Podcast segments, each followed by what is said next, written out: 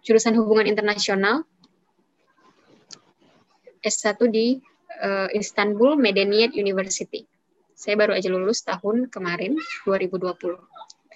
Nah, jadi seperti yang teman-teman ketahui, bimbingan kita ini sudah mulai dari tanggal uh, dari pertengahan Januari lalu uh, dan sekarang kita sedang di masa menulis LOI ya, Letter of Intent untuk S, jenjang S1, S2 ataupun S3. Uh, kita sendiri sudah uh, mengeluarkan aturan untuk menulis LOI yang sudah dibagikan di masing-masing grup dan juga kita sedang menunggu LOI dari teman-teman sampai uh, tenggat waktu yaitu tanggal 30 Januari. Jadi mohon teman teman-teman di sini juga saya ingin mengambil kesempatan untuk mengingatkan teman-teman agar menulis LOI uh, merancangnya dengan baik dan benar dan juga jangan lupa mensubmitnya sampai tanggal 30 Januari Januari 2021. Nah, selanjutnya um, yang ingin saya sampaikan adalah mengenai mengenai uh, rundown acara seminar kedua kita malam ini.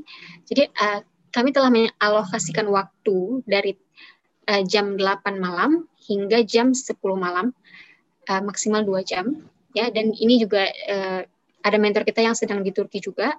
Di sana sedang jam uh, 16 atau jam 4 sore mereka juga bergabung bersama kita.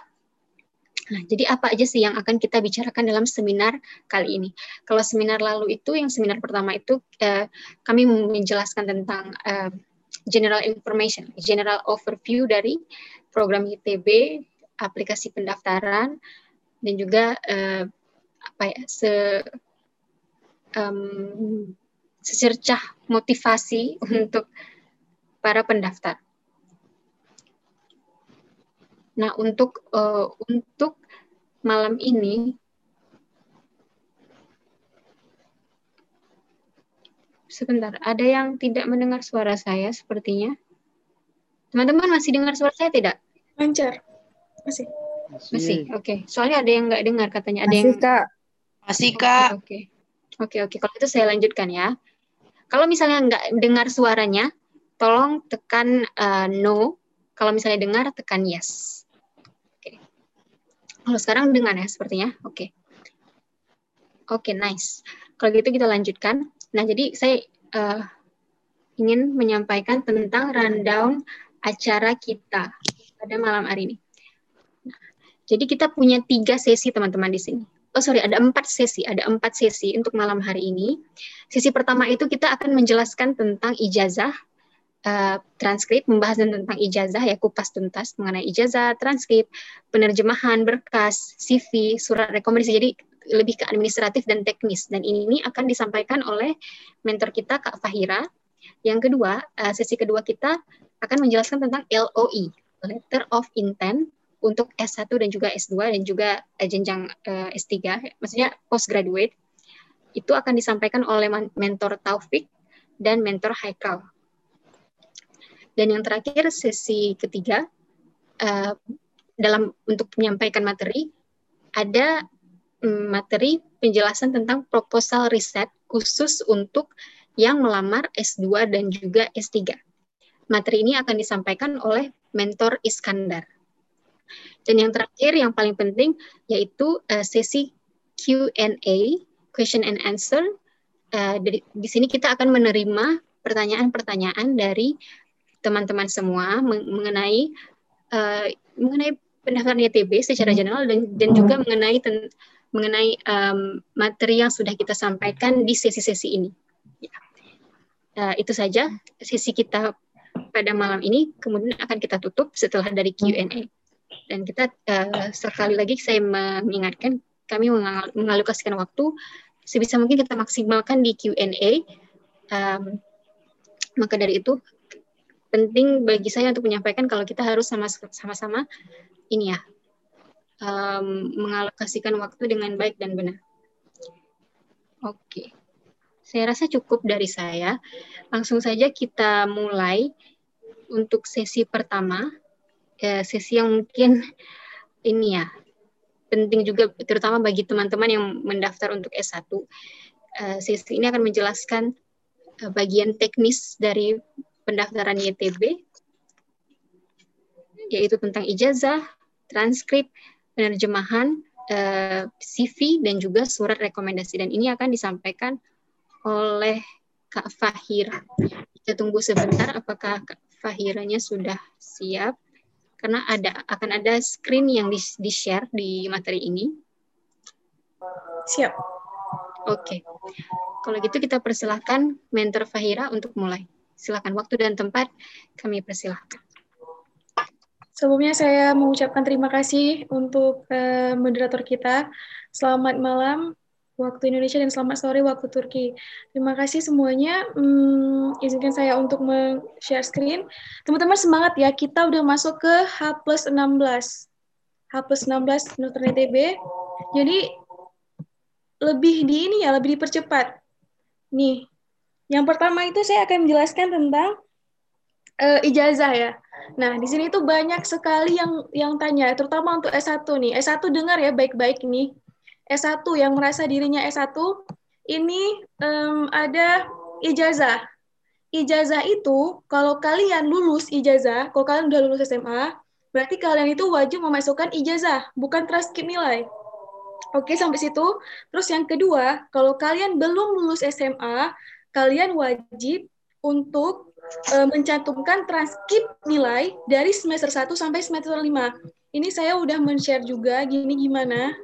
Nah, kalau misalnya ada yang tanya lagi gimana, tapi ini udah saya, e, apa ya, udah saya share secara cuma-cuma gitu teman-teman. Kalau kalian diminta di tempat lain itu bakalan bayar. Dan bayarnya itu bisa 100 ribu gitu. Oke, ini lagi loading ya ini ya untuk adik-adik SMA yang mau masuk S1. Nah, ini dia. Kelihatan nggak? Kelihatan? Belum, belum, belum. Gimana? Belum. belum. Oke, belum, belum. Belum kan masih loading. Nah, kelihatan nggak? Belum. Iya, sudah kelihatan transkrip ya? Itu atau Ya. Ini dia yang dimaksud sama transkrip nilai. Kalau kalian transkrip nilainya itu dari semester 1 sampai 5 dan kalian itu belum lulus ujian alias belum lulus SMA. Itu satu. Nah, gimana caranya? Kalau kalian tekan di education information, udah sampai sini, kalian tekan kalau kalian itu belum lulus SMA. Jadi nggak perlu lagi pakai ijazah atau SKL itu untuk S1 ya. Yang S1 dengar ya baik-baik. Saya ulang sekali lagi, kalau misalnya kalian belum lulus SMA, kalian itu bukan graduate, tapi kalian itu adalah continue. Kalian masih masuk ke kelas 3 SMA. Nah, kalian itu nggak pakai ijazah sama sekali. Kalian dipermudah. Jadi apa yang kalian pakai? Yang kalian pakai adalah yang di sini, yang udah saya share ini. Ini yang kalian pakai. Oke? Okay? Itu yang pertama.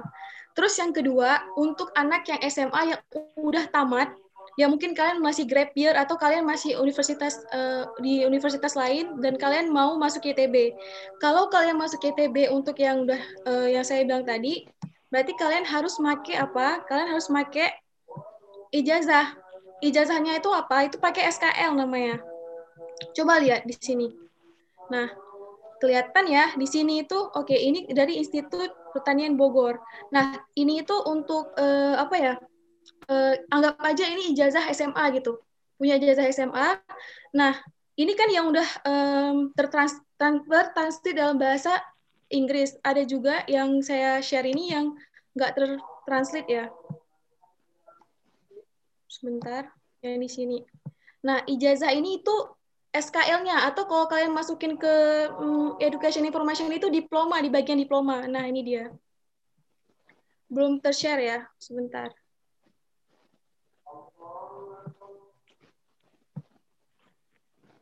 Nah, ini.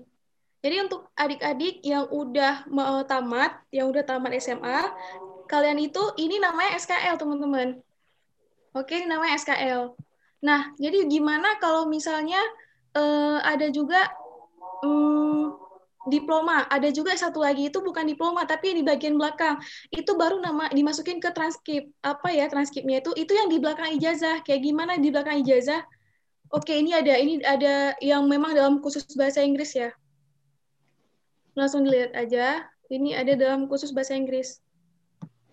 Nah ini, jadi untuk adik-adik SMA itu uh, gini dia contohnya, itu yang udah tertranslate dalam bahasa Inggris. Di sebelah kiri ini yang PES ini, PES ya lulus ini, ini itu artinya uh, diplomanya sama yang di sebelah kanan yang kalian lihat ini itu adalah transkrip nilainya itu. Jadi jangan salah-salah ya, ada perbedaan antara SMA yang sudah lulus sama yang belum lulus.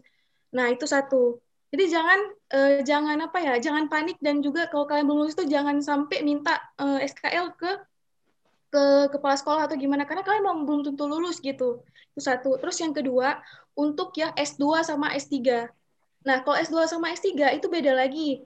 Eh, SMA wajib, kalau SMP itu saya rasa nggak wajib. Kalaupun saya salah, uh, tolong dibenarkan oleh Bang Haikal dan mentor-mentor lainnya.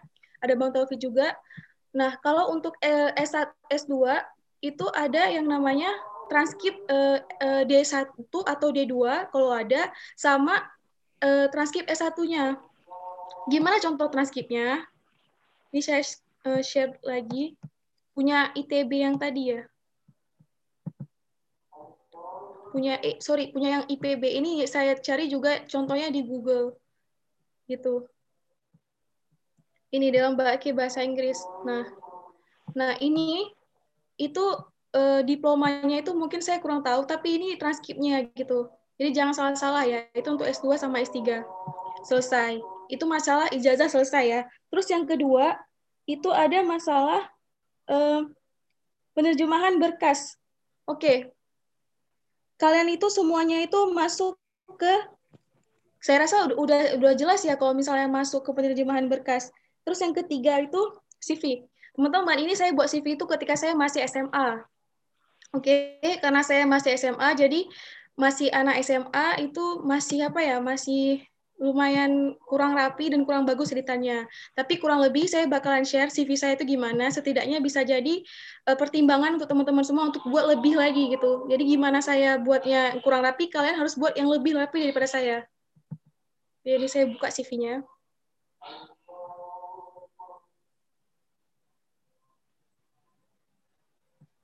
Itu untuk CV ya. Terus ada lagi yang kalau misalnya kalau saya pribadi, kalau sekarang kan uh, agak bisa ini ya ngedit gitu. Jadi biasanya saya tuh ngeditnya itu di Canva, di aplikasi Canva. Ataupun satu lagi kalau bisa mau itu di Europass namanya. Nah, tapi kalau saya pribadi ini, ini memang saya buat sendiri kolomnya dan segala macam, dan bentuk CV saya adalah seperti ini. Ini, ini lumayan kurang rapi ya, karena anak SMA buat gitu. Jadi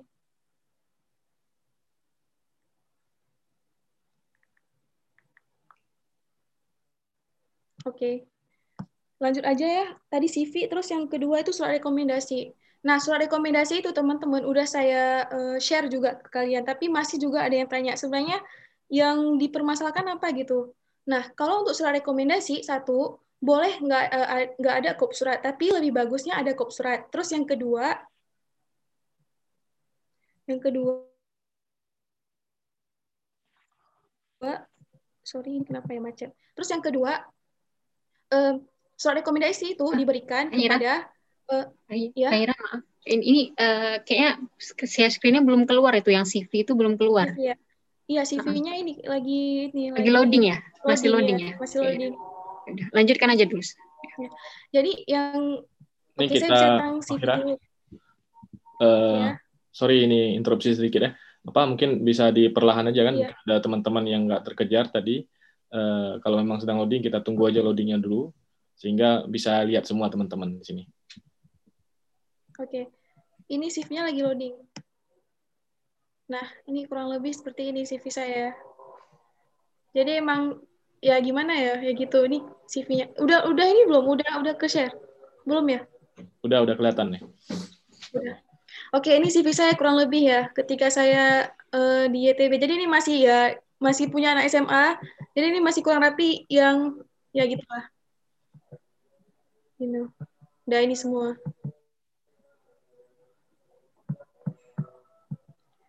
Nah mungkin kalau kalian uh, lihat ada lebih bagus lagi itu ya gimana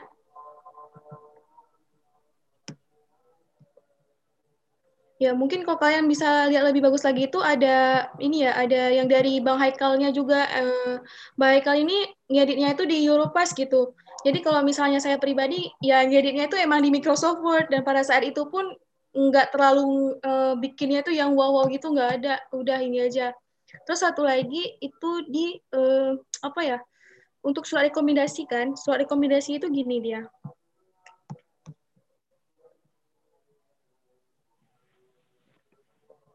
Surat rekomendasi nih. Nah, teman-teman kalau misalnya kalian bisa buat kayak gini kayak ini juga boleh kok, biar nggak ribet kayak gitu. Jadi dipisahin yang mana. Nah, ini dia. Dan saya tuh cuman hanya, hanya memiliki satu surat rekomendasi dari kepala sekolah.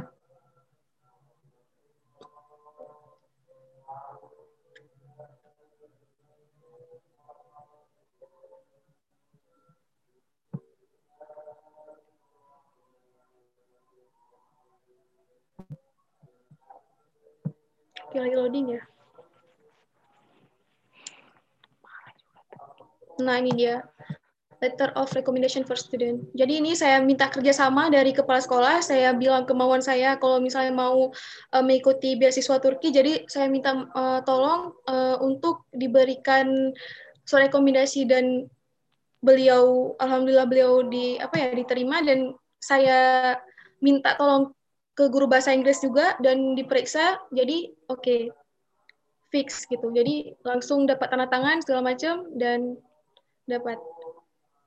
Uh, itu ya teman-teman. Untuk surat rekomendasi udah fix. Terus ada lagi yang tadi surat apa lagi? Uh, surat CV-nya juga tadi ada walaupun agak sedikit ini memang nggak rapi sih. Terus ada juga untuk ijazah. Ijazahnya gini ada yang uh, terjemahkannya terjemahannya itu langsung di fakultasnya masing-masing. Ada juga yang pakai penerjemah tersumpah. Oh iya ada yang tanya lagi. Jadi teman-teman kalau kalian pakai penerjemah tersumpah mereka itu nggak pakai stempel kayak yang kalian pikir gitu. Terus mereka itu bakalan taruh fotonya itu seperti nggak ada foto gitu cuman bentuk seperti persegi aja. Nah itu nggak apa-apa uh, kenapa nggak apa-apa? Mereka itu punya legal sendiri gitu, legalitas sendiri gitu. Mereka tulis di sini kalau um, benar-benar dari sound translator gitu. Itu memang benar-benar dari penerima tersumpah. Tapi kalau misalnya kalian bisa uh, terjemah uh, apa menerjemah the menerjemah uh, sendiri juga bisa, tapi uh, wajib pakai uh, stempel basah dari universitas ataupun SMA masing-masing gitu. Nah, gitu. Habis itu apa lagi ya? Habis ya. Cuma segitu doang kan? Gimana ini? Ada lagi yang ingin bertanya nggak seputar ini, seputar soal rekomendasi? Soalnya saya di sini diberikan kesempatan untuk memberikan contoh-contoh tentang um, CV yang tadi yang sudah saya jelaskan, terus ada ijazah juga, transkrip yang tadi ya, yang beda transkrip sama diploma itu apa, terus uh, penerjemahan juga ada tadi sama soal CV sama soal rekomendasi lagi. Nah, teman-teman, di sini sampai sini lagi itu ada yang mengganjal nggak? Jadi jangan uh, sampai ya gimana? Iya. Kak Fahira ini ini Kak Yasmin, ini bentar ya. Uh, uh, ini kan jadi kita uh, terima kasih atas penjelasannya Kak Fahira. Nah, teman-teman sendiri nanti bisa bertanya di session uh, Q&A. Jadi kalau misalnya kalian um, ingin bertanya, kami sudah bisa menerima pertanyaan, tapi lewat chat ya teman-teman, supaya lebih Nah, jadi gimana cara kita nulis pertanyaan? Itu. Ah, kalian bisa buat uh, seperti ini. Saya akan tulis pertanyaan, terus nama, terus per, uh, tulis pertanyaannya, bla bla bla gitu. Saya tulis di chat. Jadi dari sekarang kita menerima pertanyaan-pertanyaan dari teman-teman. Uh, tapi nanti kita menjawabnya itu seperti yang sudah saya bilang tadi di rangkaian acara, kita akan menjawabnya di Q&A. Kita akan maksimalkan di Q&A itu. Jadi teman-teman, kalau misalnya ada pertanyaan, uh, dicatat dulu pertanyaannya, ditulis di chat. Nanti saya akan pilih pertanyaan-pertanyaan yang yang menurut saya penting untuk dijawab. Dan juga nanti eh, saat Q&A juga kami akan memberikan uh, apa ya kesempatan langsung untuk bertanya teman-teman. Ya. Jadi tolong dicatat dulu pertanyaannya. Kalau misalnya ada yang mengganjal, ada yang belum mengerti, sekarang dicatat dulu. Oke. Okay. Oke, kalau gitu uh, kita serahkan lagi ke Kak Fahira. Apakah ada yang masih ditambahkan, Kak? Uh, nggak ada ya. Alhamdulillah udah. Mungkin saya jelasin juga udah ini udah habis. Saya iya. kembalikan iya. ke moderator. Oke, oke. Terima kasih. Saya ambil kembali. Uh, nah, jadi itu tadi ya yang sudah dijelaskan oleh Kak Fahira itu penting karena itu teknis dan juga administratif tentang CV, ijazah, terutama bagi yang mendaftar untuk S1 itu hal yang perlu diperhatikan. Nah, uh, selanjutnya kita akan masuk ke sesi yang kedua. Sesi yang kedua itu akan menjelaskan tentang LOI untuk S1 dan juga untuk S2, S3. Ya, ya ini akan dijelaskan, materi ini akan dijelaskan oleh Bang Taufik dan Bang Haikal, para mentor kita. Uh, dan juga untuk mengingatkan Eh, teman-teman LOE-nya itu kan tanggal 30 terakhir ya. Tanggal 30 terakhir. Uh, dan itu kami emang final menerima teman-teman. Setelah itu kami nggak bisa menerima lagi ya. Jadi uh, tolong diperhatikan ketentuan menulis LOI dan juga ketentuan mengupload LOI yang sudah ditulis itu ke sistem yang kami buat. Kalau ada pertanyaan, mungkin Kak, saya udah nggak ada lagi linknya. Itu nanti kita minta lagi ke tentor uh, sorry uh, ke tutor uh, mentor yang ada di grup teman-teman masing-masing. Oke, saya rasa saya bisa langsung menyerahkan tempat dan waktu kepada mentor kita Bang Taufik untuk menjelaskan materi LOI. Bang Taufik silakan. Assalamualaikum warahmatullahi wabarakatuh. Waalaikumsalam warahmatullahi wabarakatuh. Singkat saja ya, langsung to the point di sini saya akan menjelaskan secara ringkas ya tentang LOI. Apa itu LOI dan apa-apa saja yang harus kita tulis di LOI kita. Secara bahasa, LOI itu letter of intent, yaitu sebuah surat untuk menyampaikan ketertarikan, keinginan, niat, minat, atau maksud keinginan kita pada suatu tujuan secara singkat, padat, dan jelas. Itu LOI. Apa itu LOI? Sebab kan beberapa hari lalu banyak juga kawan-kawan kita tanya ke kita apa itu LOI. Jadi penjelasan itu. Uh, sekarang saya akan menjelaskan sedikit pengalaman saya waktu nulis LOI. Saya dulu S1-nya di Turki dan alhamdulillah saya baru selesai S2 juga di Turki. Waktu usai selesai S1 di Turki, waktu ingin melanjutkan S2 di Turki, saya itu menjelaskan tentang pengalaman akademik saya. Pengalaman akademik dan sosial saya waktu bagaimana saya bisa ke Turki. Pertama, saya memperkenalkan nama saya paling awal. Nama saya Taufik Kurniawan dan saya datang ke Turki 2011. Kemudian dari 2011 hingga 2012 saya mengikuti pelatihan bahasa Turki selama satu tahun. Dari 2012 hingga 2013 saya mengikuti uh, pelatihan bahasa Arab satu tahun. Kemudian satu isu lagi, uh, setelah mengikuti pelatihan bahasa Arab, saya pernah ke negara Kuwait untuk pelatihan bahasa Arab tambahan selama 40 hari.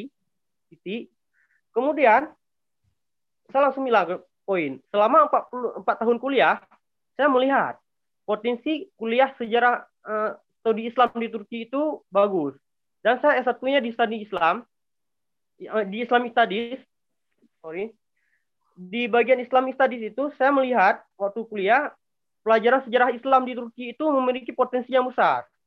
Dan saya tertarik sangat suka dengan pelajaran sejarah Islam yang diberikan oleh dosen-dosen yang ada di Turki. Dan saya bilang juga bahwa di Marmara University itu dosen-dosen sejarah Islamnya berkualitas. Kemudian langsung to the bahwa saya ingin kuliah di jurusan sejarah Islam.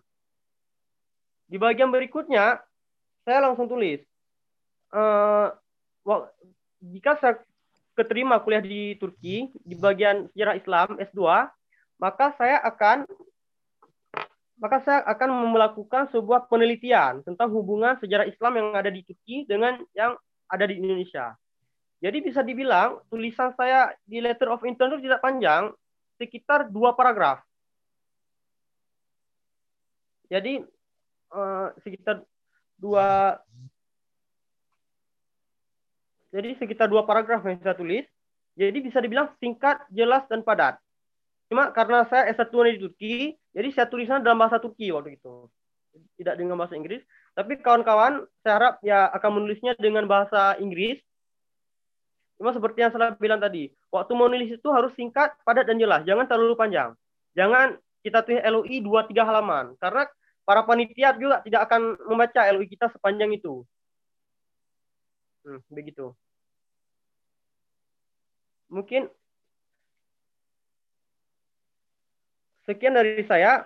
Dari mungkin bisa dilanjutkan lagi ya sama tentor Bang Haikal. Nanti kalau setelah Bang Haikal, kalau ada yang kurang bisa saya tambahkan. Ya. Uh, Oke. Okay. Terima kasih banyak Bang Taufik atas penjelasan singkatnya, tapi eh, jelas ya dan uh, jel cukup jelas bagi saya. Uh, kita lanjutkan ke penjelasan masih uh, LOI dari mentor kita Bang Haikal. Silakan Bang Haikal. Oke, Assalamualaikum warahmatullahi wabarakatuh. Teman-teman semuanya, uh, pertama ini saya ingin minta bantu ke mentor kita, mentor Fakira dan Kak Yasmin. Kalau ada yang masuk, tolong di ini ya, admit ya, uh, sambil ini. Sebentar teman-teman, ini coba saya ini ya, saya sambil share screen. Pertama-tama ini terima kasih untuk teman-teman yang udah berhadir di sini ya. Saya total ada 123 luar biasa nih kita partisipasi hari ini. Dan uh, saya ingin mengingatkan apa namanya agar eh, teman-teman uh, ini uh, untuk bisa menyelesaikan segala keperluannya itu uh, segera mungkin ya secepat mungkin segera sesegera mungkin. Dan uh, kalau bisa jangan ditinggalkan sampai ke hari-hari terakhir gitu maksudnya ini kan deadline kita tanggal uh, ini saya bilang untuk ITB ya, pendaftaran ITB tanggal 20 Februari kan. Nah, biasanya itu di tiga hari terakhir, empat hari terakhir itu pasti uh, sistemnya down gitu kan, uh, sistemnya down dan bahkan teman-teman uh, biasanya akan sulit untuk mengakses websitenya gitu. Jadi saya sarankan untuk uh, agar dapat inilah di apa namanya dipercepat ininya persiapannya semua. Sehingga target target saja targetin tanggal 10 Februari sekitar 10 lah awal-awal Februari itu teman-teman sudah bisa inilah sudah sudah bisa uh, kirim uh, berkasnya gitu kan. Sehingga nggak harus ke apa uh, nggak harus tanggal sampai tanggal 20 juga gitu. Nggak harus ke minggu terakhir gitu kan. Uh, jadi gitulah mungkin uh, ini ya reminder dari saya. Nah uh, ini topik kita sekarang LOI ya jadi teman-teman sebentar dulu ini sebelum saya share ini sebaiknya saya tunjukkan ini dulu ya satu yang, satu lagi yang sudah saya bagikan juga ke grup. Nah, ini dia. Nah, nah ini kan kita bahas LOI ya. Jadi uh, mungkin teman-teman udah perhatikan uh, grup yang saya yang kita bagikan ke grup. Uh, di pertanyaan YTB itu uh, nanti bagi teman-teman yang sudah mengupload berkasnya semuanya nanti akan uh, dihadapkan ke halaman ini ya yang sudut kursor saya kelihatan nggak Kelihatan. Kelihatan ya. Nah, ini kan uh, uh, apa namanya itu ada halaman saya screenshot dari halaman YTB. Nanti teman-teman akan melihat halaman ini. Kebetulan ini halamannya kita cut sehingga mungkin nggak kelihatan ini ya. Uh, tapi intinya uh, ketika sudah uh, berkasnya sudah dilampirkan semuanya, nanti teman-teman akan diarahkan untuk mengisi uh, LOI ke sistemnya gitu ya. Nah, pertanyaan dari LOI itu seperti ini singkatnya ya. Uh, bagi teman-teman yang S1 hanya uh, hanya apa uh, cuman pertanyaan ini aja. Maksudnya mereka hanya hanya diminta untuk mengisi pertanyaan LOI gitu kan uh, satu pertanyaan ini. Sedangkan bagi teman-teman yang S2 dan S3 setelah mengisi pertanyaan pertama akan dihadapi oleh pertanyaan berikutnya gitu kan. Uh, yang mana kita apa yang berikutnya di sini ya uh, yaitu proposal riset namanya jadi Eh, dan seterusnya. Kalau uh, jadi saya anjurkan untuk diperhatikan lagi halaman apa PDF ini uh, bagi yang teman-teman yang belum memperhatikan ya. Nah, pertanyaan LOI seperti apa? Jadi mereka menanyakan in this section pada pada sesi ini kamu uh, diminta untuk menjelaskan ya, menjelaskan hal-hal tersebut di bawah. Apa itu? Academic, your academic, kondisi akademismu, dan social experience, dan apa pengalaman sosialmu yang mana berkaitan dengan uh, uh, apa uh, lapangan ya atau bagian yang akan kamu ambil di uh, pendidikan kamu ke depan gitu. Uh, terus alasanmu untuk memilih Turki itu apa? Mereka tanya kan, uh, your reason for choosing Turkey. dan juga apa namanya itu bagaimana perencanaan kamu gitu di pendidikan kamu dan apabila ketika mendapat uh, beasiswa Turki itu perencanaan ke depannya itu seperti apa? Dengan ilmu yang akan kamu dapat itu mau diapain gitu kan? Nah itu pertanyaan general dari YTB ya. Untuk uh, detailnya teman-teman bisa baca lebih lanjut di sini uh, apa uh, pertanyaan ini ya. Nah berangkat dari pertanyaan ini saya sendiri uh, akan uh, akan share lagi uh, sharekan tadi nah saya ini versi uh, ini versi Turkinya teman-teman ya. Kalau saya kan uh, saya S1-nya juga di Turki sebelumnya kan. Terus uh, daftar S2 uh, alhamdulillah ke tahun lalu daftar S2 dan dapat uh, YTB. Nah, uh, karena S1-nya di Turki otomatis uh, kita sudah bisa bahasa Turki dong. Sehingga uh, lebih prefer untuk mengisi dalam bahasa Turki ya. Nah, ini pertanyaan yang pertama tadi. Akademik dan alasan dan seterusnya lah. Nah, di pertanyaan ini apa apa yang apa yang saya jawab? Saya jawab uh, yang pertama uh, kita mengenalkan memperkenalkan diri kita dulu ya, seperti yang Bang Taufik tadi uh, katakan juga ya. Uh, mungkin tapi saya pikir nggak nggak perlu dari nama tapi dari background saja gitu. Uh, saya menyebutkan bahwasanya uh, sebagai istilahnya sebagai mahasiswa yang uh, apa menyelesaikan uh, pendidikan di Fakultas Studi Islam dan Fakultas Sejarah gitu kan. Uh, saya beranggapan bahwasanya uh, gimana ya? Bahwasanya uh, jadi gini teman-teman.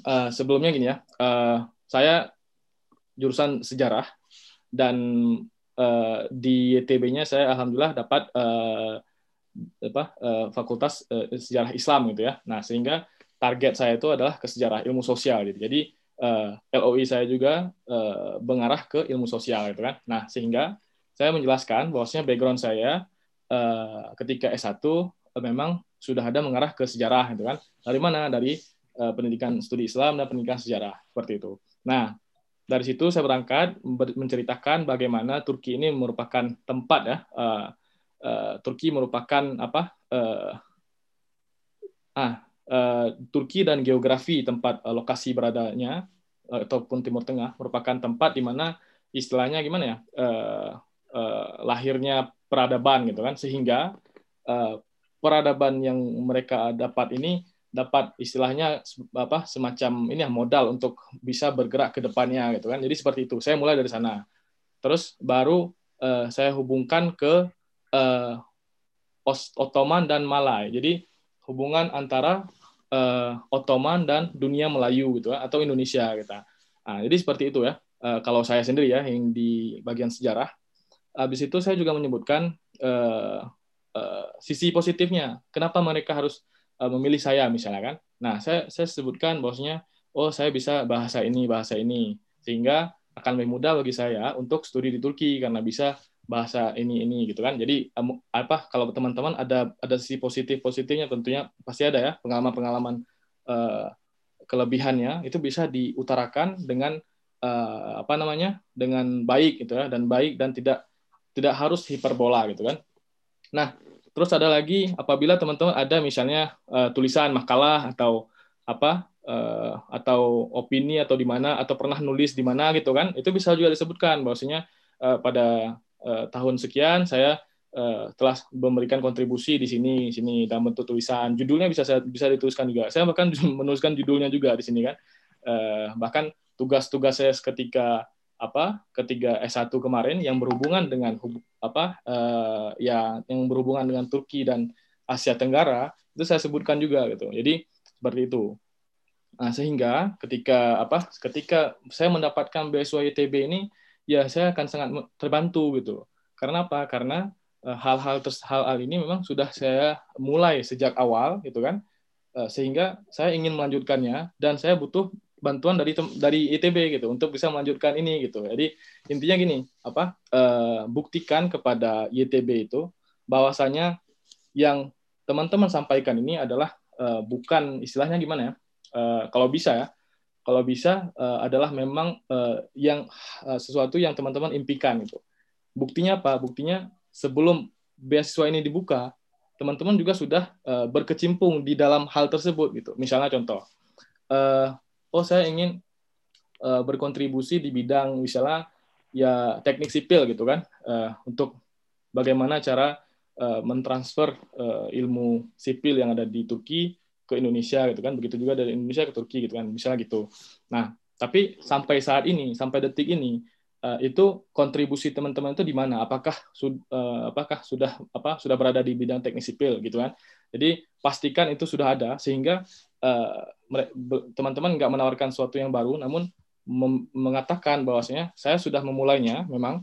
Namun untuk melanjutkannya saya butuh bantuan dari YTB gitu kan. Jadi jadi pertama ini itulah pentingnya CV di sini ya. Dari CV nanti mereka akan melihat apakah teman-teman ini bergerak sesuai dengan yang disampaikan yang uh, yang diutarakan di LOI ini gitu kan. Nah itu sangat penting teman-teman. Sehingga pertama ya tentu ke kembali duduk dulu santai dan apa merenung apa saya selama ini sudah ngapain istilahnya gitu ya. Dan hal-hal apa yang bisa saya angkat sehingga uh, uh, sehingga YTB itu tertarik gitu jadi gitulah intinya gimana ya uh, meng, menjebatani masa lalu dan masa depan gitu ya gitu ya. Kalau masa lalu dengan uh, kalau kita misalnya gini, kalau tujuan kita di masa depan adalah A misalnya, uh, pastikan juga masa lalu kita ini mirip ke A juga. Jadi sehingga kita nggak nggak istilahnya konsisten gitu ya, hidup kita konsisten. Oh dulu kita seperti ini, kontribusi kita di sini sehingga saya ingin melakukan kontribusi di bidang ini dan butuh bantuan Anda gitu kan. Nah, seperti itulah kira-kira ya. Namun uh, intinya bisa inilah uh, apa bisa membuktikan diri kita itu berbeda dari dari orang yang lain gitu ya. Uh, ini kebetulan uh, tulisan saya ini bahasa Turki semua teman-teman. Jadi uh, dan tadi saya coba translate ke Google Translate jadi agak ini ya agak aneh. Ya udahlah saya ini akhirnya memilih untuk menjelaskannya secara lisan saja gitu kan. kira-kira uh, seperti itu sih uh, untuk ini ya untuk uh, saya pribadi bagaimana menulisnya. Namun uh, apakah ada format khusus dalam penulisan LOI? Tentu ada. Ada formatnya. Itu bisa teman-teman uh, dapatkan di internet banyak banget. Namun masalahnya uh, YTB ini kan mereka apa memang sifatnya LOI namun tidak seperti LOI pada umumnya. Karena apa? Karena di sini mereka menanyakan uh, pertanyaan dan kita uh, di sini apa diminta untuk menjawab hal tersebut gitu ya. Walaupun memang uh, ini ada LOI, namun tetap kita dalam konteks menjawab pertanyaan mereka gitu kan. Uh, seperti itulah. Jadi uh, kalau dari saya sih ya yang penting itu yang tadi saya sebutkan ya. Uh, pertama teman-teman coba refleksi sampai saat ini sudah uh, ngapain saja misalkan dan bagaimana kita bisa uh, apa menghubungkan masa lalu kita tuh ke masa depan kita gitu. Uh, dengan itu mereka akan melihat kita nih oh dia ini memang sudah sudah berkontribusi di bidang di bidang di hal tersebut dan ingin melanjutkan hal tersebut dan butuh bantuan kami kita gitu kan. Nah, mereka akan berpikir demikian. Nah sehingga uh, seperti itu. Dan yang penting lagi uh, uh, dari dari perspektif YTB ini ya mereka tentunya memikirkan keuntungan negaranya juga ya negara Turki ya. Uh, intinya uh, YTB ini adalah lembaga yang istilahnya gimana ya? Yang merekrut seluruh uh, mahasiswa dari seluruh uh, berbagai negara untuk studi di Turki. Dan di mana ketika uh, si mahasiswa ini akan akan bisa selesai pendidikannya otomatis dia akan uh, pulang ke negaranya masing-masing dan menjadi uh, semacam duta lah duta uh, Turki di negaranya masing-masing gitu. Duta dalam bentuk ya kultural ya. Uh, secara kultural mereka akan mempengaruhi masyarakat di sekitarnya di negaranya untuk uh, apa, meng, apa untuk menemukan rasa antusias terhadap Turki. Secara kultural baik secara politik itu kan. Bahkan kalau ada mahasiswa yang udah jadi kalau di Afrika dari Afrika itu banyak mahasiswa yang udah jadi misal menteri gitu kan lulusan Turki terdahulu. Itu kan sebuah kebanggaan juga bagi ITB itu sendiri nah di sini bagaimana kita bisa uh, meng, menyelaraskan gitu ya menyelaraskan uh, harapan mereka yang mana menanti misal ingin uh, melihat kita Eh, aktif di negara kita masing-masing, namun tetap istilahnya uh, sebagai pribadi yang memiliki kedekatan dengan Turki, gitu ya. Otomatis mereka di sini diuntungkan dong. Turki diuntungkan ya secara sosial, secara budaya, secara politik mungkin ke depannya itu diuntungkan. Nah, ini bagaimana kita bisa menyelaraskan bidang yang akan kita ambil dengan uh, keinginan mereka gitu. Jadi seperti itu. Dan yang terpenting lagi adalah uh, di sini teman-teman harus dapat memastikan bahwasanya teman-teman uh, ini studi bukan untuk diri diri kita sendiri gitu ya. Kita memiliki istilahnya gimana ya? Uh, kita memiliki impian yang besar gitu kan.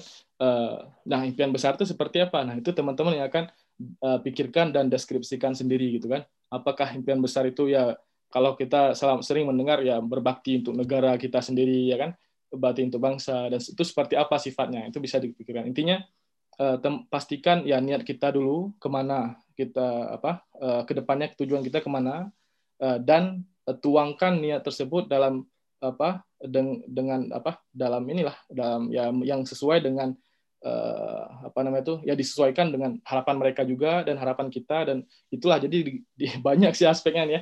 Agak sulit saya jelaskannya. Jadi mungkin teman-teman bisa merasakan lah dan butuh duduk dulu tenang uh, dan pikir sehingga apa uh, nanti akan terbayang sendiri dan bisa dituangkan. Nah untuk ketika dituangkan uh, tulisannya itu pertama tulis aja dulu mentah ya. Mentah aja ditulis terus nanti mungkin minta uh, revisi dari teman-teman terdekat itu atau dari senior teman-teman di Indonesia kan banyak abang-abang seniornya orang dari orang tua bisa juga itu kan. Minta revisi dari segi bahasanya dari segi apa mungkin ada masukan-masukan lain di poin-poin mana yang kurang itu kan. Nah, itu minta revisi aja. Terus baru kemudian ditranslate ke bahasa Inggris gitu kan. Nah, translate ke bahasa Inggris hmm, bahasa Inggris juga gitu. Kalau ada yang apa yang kurang itu kan eh, secara grammarnya itu bisa diminta bantu ke teman-teman yang bisa bahasa Inggris. Jadi uh, saran kami menyarankan untuk teman-teman agar dapat menuliskan LOI-nya dalam bahasa Inggris gitu kan. Uh, namun untuk S1 S2 dan S3 itu wajib ya, wajib bahasa Inggris. Hanya saja S1 di sini bisa bahasa Indonesia, tapi tetap kami sarankan untuk bisa dituliskan dalam bahasa Inggris. Uh, mungkin sekian ya dari saya. Uh, semoga dapat inilah ya, dapat dicerna teman-teman. Mohon maaf apabila ada apa uh, kekurangan nanti bisa ditanyakan juga di sesi Q&A ya. Uh, saya sudah makan waktu banyak nih kayaknya. Uh, mungkin sekian dari saya. Uh, terima kasih. Saya kembalikan ke moderator. Oke, okay, um, terima kasih kepada mentor kita Bang Haikal yang uh, atas penjelasannya yang sangat detail ya. Terima kasih Bang Haikal.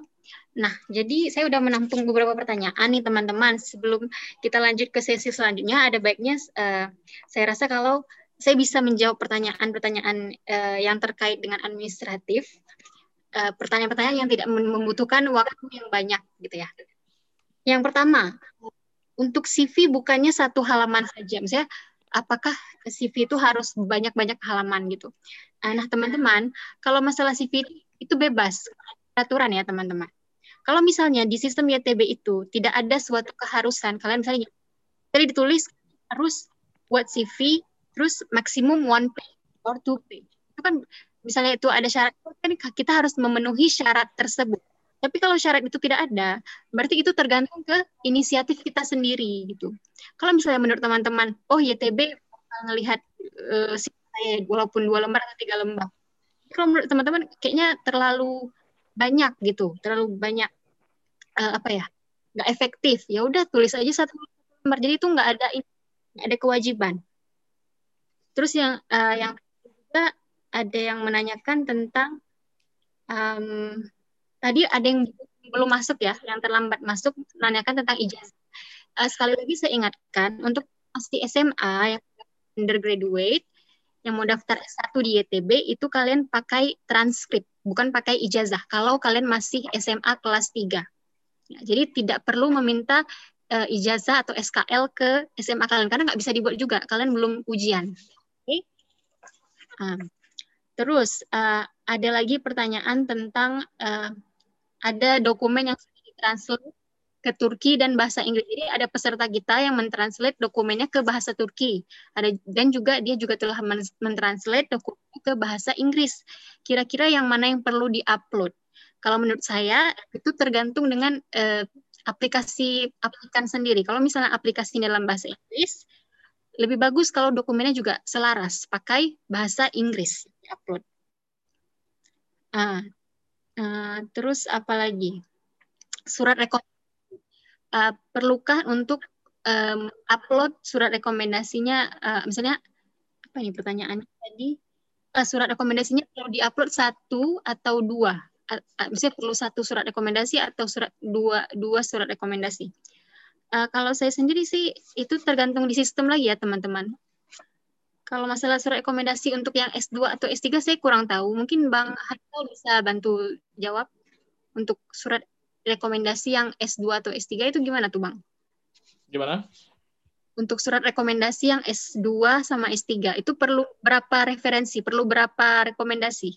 Uh, kalau itu, kalau nggak salah saya uh, minimal bukan minimal maksimal tiga gitu ya maksimal tiga uh, tapi satu satu pun sudah cukup gitu jadi kalau saya kemarin itu ada tiga saya kasih uh, yang pertama itu dari guru saya guru sendiri ya yang kedua dari dekan dan yang ketiga dari uh, dari guru di Indonesia ini seperti itu uh, uh, tiga inilah tiga rekomendasi oke berarti nggak uh, ada batasan juga berarti ya kalau mau itu satu, oh, saya mau upload satu, dua bisa. Ya benar. Ya oke, okay. terima kasih. Uh, selanjutnya yang terkait dengan administratif, uh, apalagi ini. Untuk program S2, apakah uh, ijazah yang perlu ditranslate itu ijazah S1 atau dari SMA? Um, kalau itu gimana tuh? Dari mentor lainnya, Bang Taufik atau Bang Haikal, mungkin tahu? Jadi ada aplikan kita yang untuk mendaftar dua, tapi dia belum dia nggak tahu eh, yang diterjemahkan itu uh, hanya ijazah S1 kah atau ijazah SMA juga perlu translate ke bahasa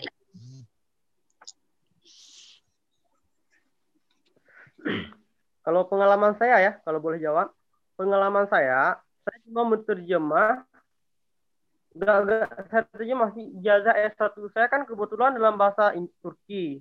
Dalam bahasa Turki, bahasa Inggris. Jadi ijazah S1 saya langsung upload ijazah yang yang udah pada versi Inggrisnya. Kalau untuk ijazah SMA saya, saya tidak menerjemah ke dalam bahasa, Indonesia yang originalnya. Saya upload bagian transkrip dan saya upload bagian ijazahnya. Tapi kalau boleh saya beri saran ke kawan-kawan, kalau memang kawan-kawan sudah menerjemahkan uh, ijazah SMA-nya itu lebih baik tapi kalau kalau memang udah diterjemah itu lebih baik tapi hmm. itu bukan syarat utama yeah. karena yang paling penting itu ijazah S1 yang diterjemah yeah. Penerjemah seperti yang disampaikan oleh Kak Fakira tadi itu penerjemah tersumpah atau penerjemah yang ada terjemah sendiri atau ditempel sama kepala sekolahnya tapi saran saya seperti saya bilang tadi kalau memang diterjemah itu lebih baik tapi bukan syarat wajib harus diterjemah ijazah SMA untuk yang mau masuk S2 S3. Tapi untuk rekan-rekan yang mau masuk S3 itu ijazah S1 S2 wajib terjemah. Oke. Okay. Baik, baik. Mungkin dan lain-lain ada menambahkan silakan mengenai ya. hal ini. Oke. Okay. Uh, baik, terima kasih mentor kita Bang Taufik yang sudah menjawab menjawab pertanyaannya juga. Uh, saya, saya, saya rasa itu sudah cukup jelas ya mengenai ijazah ya. Kalau misalnya kita lamar S2, berarti yang penting itu ijazah S1. Kalau misalnya kita daftar S3, berarti yang penting itu ijazah S2 dan S1 untuk diterjemahkan. Oke. Okay. Uh, terus ada yang tanya lagi, uh, Kak, saya mau mau kasih surat rekomendasi, tapi dosennya minta uh, saya yang tulis dan supaya dosennya tinggal tanda tangan saja. Iya, kalau saya memang kayak gitu. Selalu saya buat kayak gitu. Kepada siapa pun saya minta rekomendasi, saya nggak pernah suruh mereka yang tulis. Selalu saya yang tulis pakai bahasa Inggris, saya yang mengagung-agungkan diri saya sendiri, terus saya minta tanda tangan mereka dan cap mereka. Itu yang saya lakukan. Dan itu terbukti uh, lulus itu maksudnya. Ada beberapa kampus yang yang uh, saya ini daftar misalnya kayak kemarin tuh saya daftar Chevening ada yang diterima kampusnya gitu jadi teman-teman kalau surat rekomendasi itu pintar-pintar kita. Kalau mis misalnya kan gini, kita tuh minta orang mengendorse kita ya. Tapi mereka tuh sibuk, dosen kan sibuk ya. Mereka kan waktu waktunya tuh banyak. Jadi kita tulis aja draftnya, tulis draftnya. Uh, terus di situ kita bisa tambahkan lah, misalnya tentang leadership kalian, tentang involvement uh, apa tuh namanya keterlibatan kalian dalam komunitas uh, pengalaman sosial kalian tulis semuanya nanti biasanya sih kalau dosen-dosen itu pasti mereka terima-terima aja. Jadi mereka tinggal tanda tangan. Itu dan itu lebih ampuh daripada kalau misalnya kalian suruh Pak atau Bu tolong tulis rekomendasi, nah, itu pasti lama kalau gitu. Itu pasti akan lama nanti prosesnya. Jadi itu ya saran saya untuk surat rekomendasi. Kecuali udah di blacklist dengan dosennya ya. ya. kalau saya surat di, di blacklist itu jangan diminta kalau Terus uh, surat rekomendasi itu dia tidak terpaut dengan uh, ini apa saya tempat kita bekerja ataupun um, apa itu namanya ya misalnya kayak dosen kita itu nggak terpaut misalnya gini teman-teman pernah ambil bagian di suatu organisasi yang mana fokusnya itu berkaitan erat dengan jurusan yang teman-teman ingin apply di ITB. Misalnya uh, kayak saya, saya tuh berkecimpung di Balai Institut, ya kan. Saya tulis artikel untuk Balai Institut. Terus uh, Balai Institut kita punya oh juga, misalnya kita punya direktur juga. Nah, saya minta ke direkturnya. Itu bisa tolong uh, apa tuliskan surat rekomendasi untuk saya. Itu. Dan uh, yang tadi draftnya saya buat sendiri, tulisan saya sendiri pakai bahasa Inggris. Tuh teman-teman. Jadi uh, yang yang penting surat rekomendasi itu ini. Misalnya mereka tuh ingin ingin tahu oh kalian itu uh, apa ya partisipasi kalian di komunitas kalian itu bagaimana? Itu apa yang kalian telah uh, kontribusikan dan misalnya mereka juga perlu orang yang penting mengendorse kalian gitu dari institusinya gitu. Institusinya tuh boleh LSM, boleh organisasi, boleh juga kampus gitu. Ya. Saya rasa itu udah jelas. Nah, jadi kita langsung lanjut ya teman-teman. Langsung lanjut ke sesi yang terakhir sebelum kita masuk ke Q&A. Nah, sesi yang terakhir ini cukup penting juga untuk mahasiswa atau mahasiswi yang mau mendaftar sorry bukan mahasiswa, aplikan yang mau mendaftar ke S2 dan S3 yaitu tentang proposal riset. Nah, materi ini akan disampaikan oleh Bang Iskandar, mentor kita juga. Tapi sebelumnya saya mau ngecek dulu, uh, apakah Bang Iskandar sudah ada di sini? Boleh kita minta suaranya, Bang? Ya, siap. Oke, bagus. Uh, kalau gitu kita langsung persilahkan Iskandar untuk mulai materinya dan tempat, silakan. Terima kasih uh, moderator Yasmin uh, atas waktunya. Uh, sebelumnya saya ucapkan Assalamualaikum warahmatullahi wabarakatuh. Uh, selamat sore untuk kawan-kawan yang ada di Turki dan selamat malam untuk uh, semua teman-teman yang ada di Indonesia. Sebelumnya saya mau ngecek sound nih, suara saya jelas nggak? Karena di saya ini ada ya pantul-mantul. Jelas. Jelas. Oke, okay, siap. Terima kasih. Uh, masih antusias ya ngikutnya? Sangat uh, antusias. mohon maaf juga karena saya telat masuk tadi, karena masih di luar. Uh, mungkin saya tidak mengikuti dari awal tadi apa yang sudah dijelaskan. Tetapi di materi kali ini, uh, saya mungkin lebih fokus uh, untuk menjelaskan kepada yang uh, apa kawan-kawan yang melamar untuk S2 dan S3 pasti di di sistem ataupun di aplikasi kawan-kawan tuh akan diminta untuk mengisi bagian uh, proposal research gitu. Jadi proposal penelitian. Jadi setelah LOI tadi mungkin sudah jelaskan gimana LOI. Nah sekarang saya ingin coba jelaskan sedikit uh, apa namanya bagian apa sih yang diperlukan untuk uh, pen, uh, apa proposal penelitian nanti. Nah mungkin seperti uh, saya di sini nggak nggak nge-share screen ataupun uh, apa karena saya kira saya sudah uh, kirim dan mungkin juga mentor-mentor lain sudah kirim apa namanya uh, kerangka ya untuk kawan-kawan semua di grup. Jadi kawan-kawan bisa sebenarnya bisa mengikuti step-step yang ada di uh, kerangka yang sudah disiapkan oleh uh, Balai Institut tersebut. Jadi mungkin di situ sudah dijelaskan uh, bahwa yang pertama yang perlu di, diisi di sistem itu, di sistem aplikasi uh, kawan-kawan semua, yang pertama itu disebut di situ uh, kawan-kawan harus mengisi uh, subject study. Nah, uh, subject study ini apa? Mungkin uh, yang sudah lulus S1 sudah pernah melakukan penelitian waktu S1 di skripsi yang mungkin yang ingin melamar S3 juga sudah pernah melakukan uh, penelitian juga di jenjang S2-nya.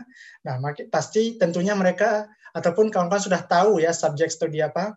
Nah, mungkin sini saya sedikit uh, menjelaskan bahwa subjek studi yang uh, yang di sini mungkin sama juga yang seperti kawan-kawan sudah apa lakukan waktu penelitian di S1 ataupun S2 yaitu mereka meminta kita melakukan satu subjek kita ingin melakukan penelitian tentang apa sebagai contoh ya sebagai sebenarnya kalau misalkan saya bisa urutkan ini uh, pertama mereka harusnya meminta topik ataupun jurus uh, apa judul penelitian kita dan kemudian subjek. Tapi di sini mereka ataupun pihak ITB meminta subjek studi dulu. Jadi mereka ingin tahu kawan-kawan ingin meneliti tentang apa. Misalnya contohnya untuk sekarang di masa pandemi ini mungkin lagi uh, heboh-hebohnya studi apa uh, sekolah via online gitu ya. Jadi misalkan kawan-kawan mau buat tentang uh, studi ataupun studi kasus uh, efektivitas uh, belajar online terhadap uh, pembangunan karakter anak-anak. Nah, di sini bisa dijelaskan uh, bahwa subjek studi sini bahwa kalian ingin meneliti tentang uh, pembangunan karakter anak-anak sendiri. Jadi mungkin bisa dijelaskan sedikit lebih rinci bahwa saya ingin melakukan penelitian tentang pembangunan karakter anak-anak terhadap pembelajaran online. Nah, anak-anak yang dipilih di sini adalah anak-anak yang sekolah dari kelas 1 SD sampai kelas 6 SD. Nah, misalkan demikian, itu bisa dijelaskan uh, di bagian subjek studi tersebut. Dan mungkin kalau misalkan kawan-kawan untuk yang apa namanya jurusan sains, ya saya kira juga uh, lebih kurang uh, seperti itu. Mungkin bahkan ada yang memakai model ya, yang engineering ataupun sains mereka ingin menggunakan metode ataupun model tertentu terhadap uh, suatu benda ataupun uh, suatu itu terserah kalian. Yang penting, yang jelas di sini yang perlu ditekankan adalah subjek studi adalah terhadap apa kita melakukan penelitian tersebut. Nah, uh, yang kedua mungkin ini uh, udah lebih umum yaitu mereka meminta uh, working title ataupun uh, judul Nah, judul ini mungkin lebih umum, lebih singkat, uh, dan meng, apa, uh, lebih menjelaskan uh, topik yang kita uh, yang ingin kita kaji. Oops. Sorry, ini sudah tershare screen ya. Ah, nggak apa-apa. Mungkin kawan-kawan yang ini bisa melihat juga, karena saya juga uh, apa berpanduan ke di sini. Oke, uh, di sini bisa kalau mungkin maksimal supaya jangan minta maaf uh, Mbak Trisha habis. Oke. Nah, perlu diketahui juga bahwa maksimal kata uh, kata untuk judul ini maksimal di 15 kata. Jadi jangan terlalu panjang dan juga jangan terlalu pendek. Biasa minimal dia lima kata biasa minimal. Jadi kalau misalkan terlalu pendek nanti tidak uh, merangkum uh, apa penelitian yang akan kita lakukan. Jadi orang-orang uh, pihak ITB pun tidak merasa terjelaskan uh, dengan judul apa yang ingin kita kaji. Jadi kawan-kawan bisa menulis dengan lebih bagus, yang minimal kalau boleh saya sarankan 5 kata dan maksimal 15 kata gitu. Kemudian selanjutnya itu diminta juga untuk uh, analisis of problem. Nah di sini uh, ini mungkin kalau di kita yang mem, yang sudah melakukan Uh, menulis uh, skripsi ataupun uh, apa tesis di S2, mereka sudah tahu pasti jelasnya. Nah, ini lebih ke permasalahan kajian. Jadi kita ingin menjelaskan uh, apa yang uh, masalah uh, yang ingin diangkat dari penelitian ini. Nah, ini juga uh, bisa dijelaskan maksimal dengan uh, 300 kata dan minimal 75 kata. Nah, ini mungkin kawan-kawan bisa di brief ataupun bisa dijelaskan dengan uh, lebih baik dan lebih uh, apa to the point gitu ya. Jangan terlalu bertele karena kalau kita sebenarnya ingin menulis uh, di tesis ataupun di skripsi sebenarnya kita lebih menjelaskan lebih mendalam. Akan tetapi di sini cukup dijelaskan secara singkat dan jelas saja untuk kawan-kawan semua dijelaskan seperti misalkan contoh tadi analisis problemnya. Nah, uh, kalau misalkan tadi saya contohkan hmm, apa namanya uh, efektivitas uh, sekolah melalui apa belajar online terhadap anak-anak. Nah ini kita harus menganalisis problemnya apa. Jadi uh, problem yang ingin kita kaji bahwa kalau misalkan di sini misalkan anak-anak uh, kan untuk sekolah untuk belajar seharusnya kan bukan hanya menambah pengetahuan, akan tetapi juga dengan belajar ingin membangun karakter anak-anak.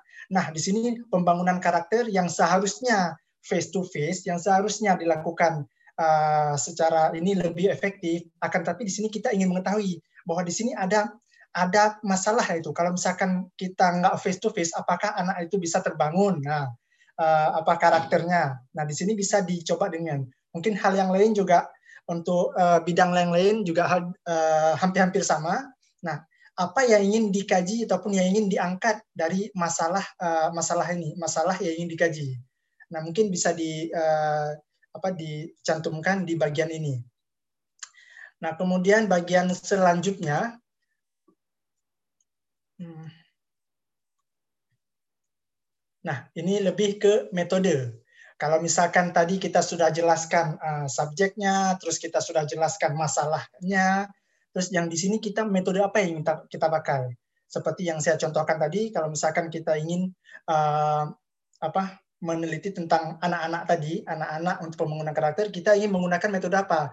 Apakah kita menggunakan metode wawancara, yaitu langsung menanyakan kepada anak-anak tersebut, atau kan kita menggunakan uh, observasi dengan cara uh, kita terjun ke sekolah yang eh, guru-guru uh, yang melakukan sekolah online tersebut, kita melihat anak-anak tersebut dan mungkin ada uh, apa metode-metode lain yang dipakai itu bisa bisa disesuaikan sesuai dengan uh, penelitian kawan-kawan masing-masing. Jadi uh, misalkan kalian uh, sudah ingin melakukannya tentang apa, jadi uh, banyak metode-metode. Jadi tinggal dipilih metode yang sesuai uh, untuk kita mendapatkan hasil dari uh, penelitian tersebut. Nah, kemudian yang kelima ini general of, uh, structure of study. Nah, di general structure of study di sini uh, ini sebenarnya lebih ke kerangka uh, kalian ingin membahas tentang apa saja. Seperti yang tadi mungkin uh, saya contohkan uh, biar ini saya contohkan ini biar berurut ya, jangan uh, meleset. Tapi kawan-kawan bisa mengembangkan apa yang sudah ada di pikiran kawan masing-masing kawan-kawan masing-masing jadi langsung di sekarang oh berarti ini sudah ada saya sudah membuat tentang ini. Jadi tinggal di di apa dikembangkan apa yang kawan-kawan sudah uh, ada di pikiran kawan masing-masing. Nah, yang di sini untuk struktur uh, uh, apa umum studi di sini kawan-kawan bisa menjelaskan bahwa ketika kawan-kawan ingin menjelaskan uh, tentang ataupun ingin meneliti tentang uh, pembangunan karakter anak-anak di sini akan uh, dikaji akan dibahas tentang hmm, uh, bagaimana sekolah uh, bisa uh, bagaimana metode-metode apa saja yang dapat membantu karakter anak-anak, kemudian dan lain sebagainya. Ini bisa disebutkan. Sebenarnya di sini lebih kalau kita buat lebih ke apa namanya daftar isi ya kalau di S1 ataupun S2 itu lebih ke daftar isi tapi di sini bisa kawan-kawan bisa menjelaskan bisa menulis dengan dua cara yang pertama dijelaskan berdasarkan dengan paragraf contohnya uh, secara umum uh, dalam kajian ini kan uh, saya akan menjelaskan uh, pada bagian pertama tentang ini. Kemudian saya akan lanjutkan di bab kedua tentang uh, pembangunan karakter melalui metode online. Dan kemudian yang ketiga saya akan melihat bagaimana uh, efektivitasnya. Nah, ini bisa dijelaskan secara. Dan yang cara yang kedua, kawan-kawan bisa menjelaskan dengan uh, di bagian ini dalam penelitian ini saya akan membahas tentang diurutkan saja seperti A ini, B ini, ataupun C ini. Nah itu bisa ya. Karena saya ada pengalaman dari beberapa kawan yang sudah lulus, mereka ada yang menggunakan dua metode ini dan uh, saya lihat um, pengalaman mereka dua-duanya lulus. Nah ini jadi bisa dipakai untuk kawan-kawan semua. Jadi bagaimana uh, enaknya ataupun bagaimana nyamannya kawan-kawan dalam menjelaskan bagian ini. Uh, jadi jangan terlalu dipaksakan. Wah ini gimana nih kak? Ini kalau saya buat begini gimana? Ataupun uh, kalau misalkan saya buat secara paragraf gimana? Apakah bisa? Tentu bisa gitu. Akan tapi dijelaskan uh, secara jelas dan men, uh, apa dan bagus gitu supaya nanti ketika dievaluasi oleh pihak ITB mereka mengetahui oh bahwa kalian akan uh, menjelaskan tentang ini uh, di di penelitian kalian nanti gitu. Kemudian uh, saya kira ini terakhir ya. Uh, kalau oh ini ada yang ah ada yang terakhir ini kontribusi of study. Nah ini mungkin kontribusi ataupun output uh, yang ingin dicapai. Kalau misalkan tadi, kalau misalkan uh, kita buat tentang uh, studi online terhadap karakter uh, pembangunan karakter anak-anak, yang ingin kita hasilkan dari penelitian ini adalah ingin uh, mengetahui ataupun ingin membuat suatu rumusan agar uh, apa uh, untuk mengetahui apakah kuliah online ini efektif atau enggak. Jika tidak, mungkin bisa dicari metode lain, nah gitu. Nah, dan bisa jadi kontribusi ini bisa untuk uh, penelitian selanjutnya, bisa untuk menjadi kebijakan pemerintah, bisa untuk uh, apa namanya diterapkan kepada masyarakat dan lain sebagainya. Ini banyak sebenarnya kontribusi-kontribusi yang uh, dihasilkan dari penelitian kalian. Ya mungkin minimal kontribusi yang bisa diberikan untuk menambah khazanah keilmuan di bidang masing-masing. Mungkin enggak, tidak banyak yang meneliti tentang tersebut, maka kalian ingin meneliti tentang tersebut supaya lebih menambah keilmuan di bidang tersebut. Nah, di bagian tujuh ataupun uh, ya ini kayaknya bagian terakhir di bagian ketujuh literatur review. Nah, di sini juga uh, ada pengalaman eh, kawan-kawan uh, juga yang sudah lulus. Di sini ada kawan-kawan yang membahas ataupun menulis dengan dua cara. Seperti yang saya bilang tadi, ada literatur review, mereka langsung menulisnya secara uh, kajian ini apa uh, atau uh, apa literatur review ataupun uh, menggunakan kajian-kajian berikut gitu. Mereka urutkan uh, strip ataupun A ataupun B ataupun satu itu terserah itu gimana kawan-kawan lainnya. Jadi yang kawan yang lulus ini dia memakai strip ditaruh judul, nama buku, tahun, ya seperti layaknya daftar perpustakaan. Dan ada juga kawan lain yang uh, menulis uh, dalam bentuk paragraf seperti saya bilang tadi. Mereka ada yang menulis dalam bentuk paragraf, jadi mereka dalam kajian ini saya menggunakan beberapa literatur seperti saya menggunakan literatur klasik yang diterbitkan oleh buku ini, penulis ini, dan penulis ini, penulis ini, mereka sebutkan itu dalam bentuk paragraf. Dan kemudian ada dalam beberapa jurnal juga saya ambil dari jurnal ini, jurnal ini, jurnal ini, jurnal ini, jurnal ini, jurnal ini. Nah, disebutkan di situ. Nah, jadi kawan-kawan juga dalam menulis bagian literatur review ini bisa menggunakan dua metode yang seperti saya bilang tadi.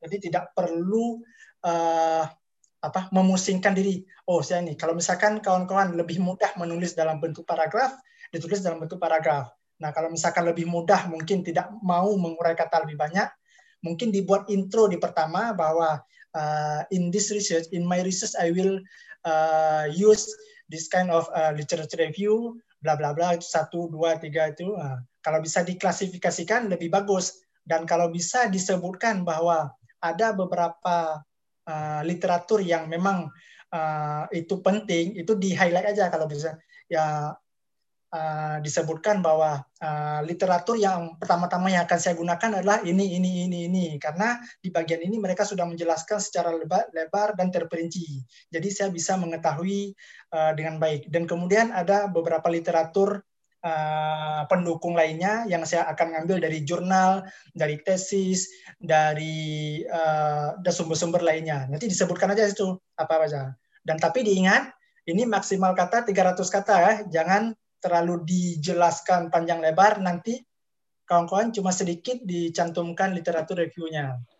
Nah, jadi lebih gitu. Kalau misalkan nanti bisa disiasati juga karena mereka tidak meminta bagaimana format literatur review apakah harus ada uh, nama penulis, judul buku atau jurnal, dan kemudian tahun, tempat terbit, dan sebagainya. Jadi, misalkan nanti tidak cukup kata-katanya, menurut saya yang penting adalah nama penulis, judul buku, dan tahu, uh, tahun uh, tahun terbit. Nah, itu mungkin tiga itu yang penting. Kalau misalkan uh, tidak bisa dicantumkan semuanya, bisa dicantumkan kayak nama, Uh, kalau misalkan jurnal, jur, nama jurnal itu juga penting, akan tetapi untuk volume dan uh, apa namanya uh, nomor jurnal berapa dan uh, edisi berapa itu tidak terlalu penting itu untuk dimasukkan ke sini karena mereka meminta kata-katanya terbatas ya jadi kita tidak bisa menjelaskan ataupun tidak bisa menuliskan secara maksimal di sini. Nah mungkin itu saja dari saya. Nanti kalau misalkan ada yang ingin ditanyakan bisa kita uh, diskusikan lagi di sesi tanya jawab. Uh, dan uh, kalau mungkin ada yang ingin ditambahkan oleh uh, apa mentor lain juga uh, saya persilakan Uh, Oke, okay, mungkin itu saja dari hmm. saya. Uh, Assalamualaikum warahmatullahi wabarakatuh. Assalamualaikum warahmatullahi wabarakatuh. Uh, baik, terima kasih banyak atas Bang Iskandar atas penjelasannya. Jadi itu tadi mengakhiri ini ya rangkaian sesi-sesi kita. Selanjutnya kita akan masuk ke, ke sesi Q&A. Uh, tapi saya sudah mengumpulkan pertanyaannya ini banyak sekali ya teman-teman ya. Ini masih banyak sekali pertanyaan yang sudah saya catat dan belum dijawab juga. Jadi uh, kita juga ingin teman-teman juga mohon maklum kalau misalnya masih ada pertanyaan-pertanyaan yang uh, belum terjawab gitu. Jadi uh, saya akan coba menjawab lagi pertanyaan yang sudah masuk yang terkait dengan administratif ya kalau misalnya nanti saya rasa saya nggak bisa menjawab sendiri, saya akan lemparkan ke eh, mentor-mentor uh, yang lainnya, gitu, demi mempersingkat uh, waktu kita dan menggunakan waktu kita secara efisien. Nah, jadi ada pertanyaan dari uh, salah satu aplikan kita. Uh, beliau concern masalah nilai. Jadi nilai S1-nya itu 74 persen, nilai S2-nya 92 persen. Eh, apakah masuk kualifikasi karena untuk nilai S1 itu minimal 75% di sistemnya sudah menjadi syarat. Ya, kalau saya sendiri sih menurut saya oke-oke aja gitu kalau misalnya uh, mau daftar S3 karena kalau menurut saya sendiri ini tapi benar-benar asumsi saya ya yang akan lebih dipertimbangkan itu adalah uh, dari sisi proposal riset itu. Tapi karena saya nggak yakin, maka itu saya ingin tanya pendapat dari mentor lainnya juga. Men mungkin Bang Iskandar atau Bang Haikal yang bisa menjelaskan. Mungkin Bang Iskandar. Ya, Bang Iskandar lebih memahami kayaknya untuk S3, Bang. Iya. Uh -uh, untuk S3. Uh, eh, apa tadi nilai ya, dengan... jadi nilai nilai S1-nya itu 74 persen nilai S2-nya yang tinggi, S2-nya 92 persen. Uh, terus ini apakah ma masuk ke dalam kualifikasi untuk mendaftar S3? Karena S1 sendiri punya syarat 75 persen minimal. Masuk. Uh, karena untuk S2, untuk S2, untuk S3 yang diminta itu untuk uh, S2, uh, apa namanya? Untuk S3, mereka minta syarat untuk ijazah S2-nya itu 75 persen. Jadi kalau misalkan uh, ijazah S1-nya uh, kurang dari 75 persen atau bahkan SMA-nya kurang dari uh, 75 persen tidak ada tidak ada masalah karena pengalaman saya juga uh, yang uh, saya juga S1-nya kurang dari 75 persen ya jadi cuma S2-nya yang mencukupi gitu. Ya, oke, terima kasih bang. Terus ada juga pertanyaan masih terkait dengan proposal research ya, materi yang abang sampaikan tadi. Jadi saya mau langsung lagi ke bang Andra uh, judul proposal research itu apakah harus relate sama judul skripsi kita di S1? Itu gimana, Bang? Apakah nah, harus kalau berkait? hmm, kalau itu, uh, ini kan kita buat uh, research ini kan untuk aplikasi ITB. Jadi tidak perlu, maksudnya tidak harus uh, related dengan S1. Akan tetapi, jika kawan-kawan ingin mengembangkan apa yang sudah dilakukan waktu S1, dan kawan-kawan kira bisa mengambil hati orang ITB yang untuk uh, bisa lulus uh, apa maksudnya uh, penelitiannya mantap ataupun bagus untuk diteliti dan mereka uh, orang ITB tertarik itu tidak ada masalah bagi uh, menurut saya. Jadi tidak perlu ataupun tidak harus related dengan S1 dan jika pun uh, dianggap perlu untuk dikembangkan apa yang sudah dilakukan di S1 itu bisa saja saya. Ya. Baik. Uh, terima kasih atas uh, jawabannya, Bang Iskandar. Um, terus masih ada juga yang tanya tentang rek surat rekomendasi. Maka dari itu atas inisiatif saya sendiri saya mau share surat rekomendasi ini ya, yang pernah saya buat dan ditandatangani oleh salah satu dosen saya. Jadi ini untuk teman-teman yang menanyakan yang masih bingung tentang surat rekomendasi, baik itu untuk S1 atau untuk postgraduate yang S2 sama S3 Nah, itu jadi bisa lihat ya. Saya akan share. Bisa share ini. Nah, Oke. Okay. Jadi saya nggak bisa share semuanya karena di bagian atas sama bagian bawah itu ada data dari profesor saya. Jadi saya nggak bisa share.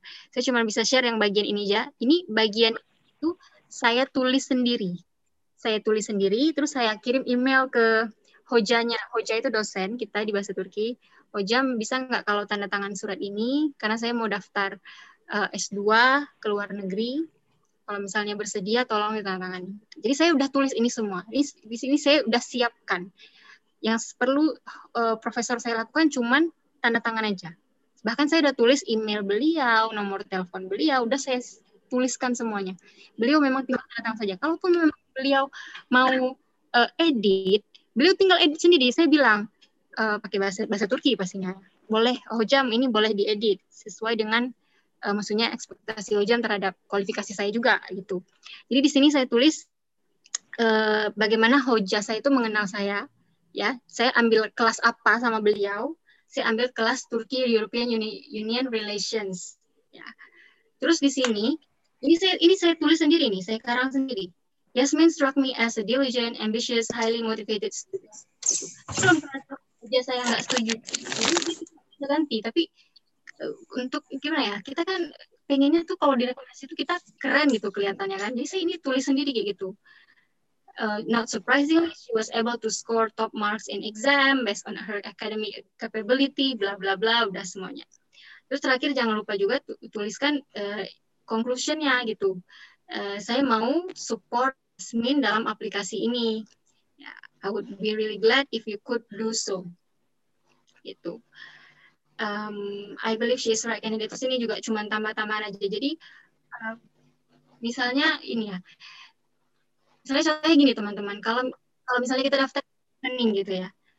Terus di shivening itu ada syarat untuk menulis rekomendasi itu. Di situ kita harus menuliskan uh, kemampuan kita misalnya kemampuan interaksi kita dengan orang orang lain.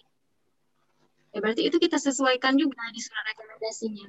Kan akan sulit ya kalau misalnya kita nanti kita minta dosen kita itu untuk menuliskan uh, Pak tolong Bapak tuliskan uh, kemampuan leadership saya. Tolong Bapak tuliskan kemampuan saya selama di dalam kelas. Kan itu agak sulit. Makanya draftnya itu lebih baik kita buat sendiri. Itu kalau misalnya memang si bapaknya atau si ibunya yang memberikan rekomendasi tidak setuju mereka tinggal mengedit aja jadi menurut saya ini cukup jelas untuk eh, surat rekomendasi. Kita nggak punya banyak waktu. Jadi saya akan langsung lanjut ke pertanyaan ya pertanyaan-pertanyaan lainnya. Oke. Ada pertanyaan yang lebih penting juga ya. Oke. Uh, kita lanjut. Uh, ada pertanyaan yang masih uh, ya ini. Apakah latar belakang salah ini untuk proposal lagi ya? Apakah latar belakang kita bisa ambil dari negara dan Indonesia sekaligus. Bagaimana menurut mentor yang di sini? Bang Taufik, Bang Haikal, atau Bang Iskandar? Ada yang mau menjawab? Pertanyaannya bisa diulang, Yasmin? Tadi agak putus-putus. Iya. Latar belakang masalahnya, bisakah kita ambil dari negara Turki dan Indonesia sekaligus? Uh, boleh saya jawab, bantu jawab. Oke. Bisa, bisa, uh, bisa. Bisa ya. Singkat ya saya jawab. Kalau untuk boleh-boleh, misal saya pribadi ya, waktu buat L, eh, proposal kemarin itu, saya latar belakang langsung ambil dua, Turki dan Indonesia. Saya waktu itu mau mengkaji tentang uh, gerakan Islam abad 19 di Turki dan Indonesia. Jadi permasalahan-masalah langsung saya ambil dari dua negara.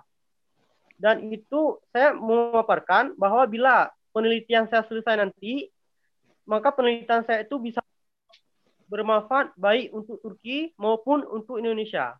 Jadi memang bagus bila kita mengambil latar belakang dari dua negara sekaligus. Jadi nanti penelitian kita betul-betul bermanfaat baik untuk Turki dan untuk Indonesia gitu.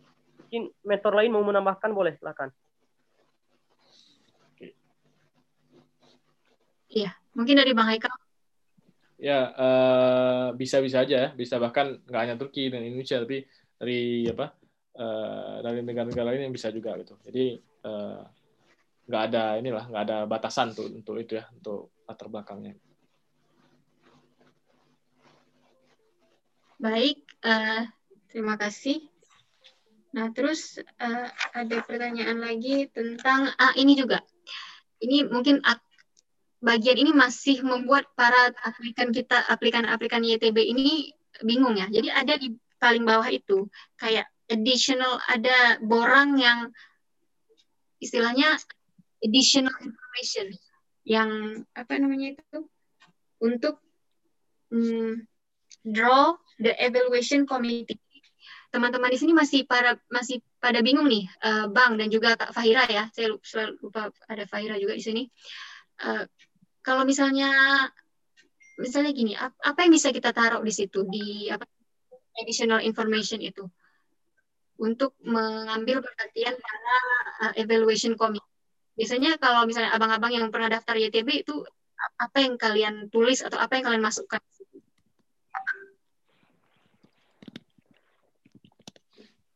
Mungkin Bang Haikal atau Bang uh, Taufik atau Bang Iskandar bisa jawab. Sorry, tadi bisa diulang Yasmin? Enggak. Pertanyaannya? Iya, jadi uh, ada yang masih belum paham mm-hmm. di section itu uh, ada ini apa namanya di luar kewajiban gitu, bang.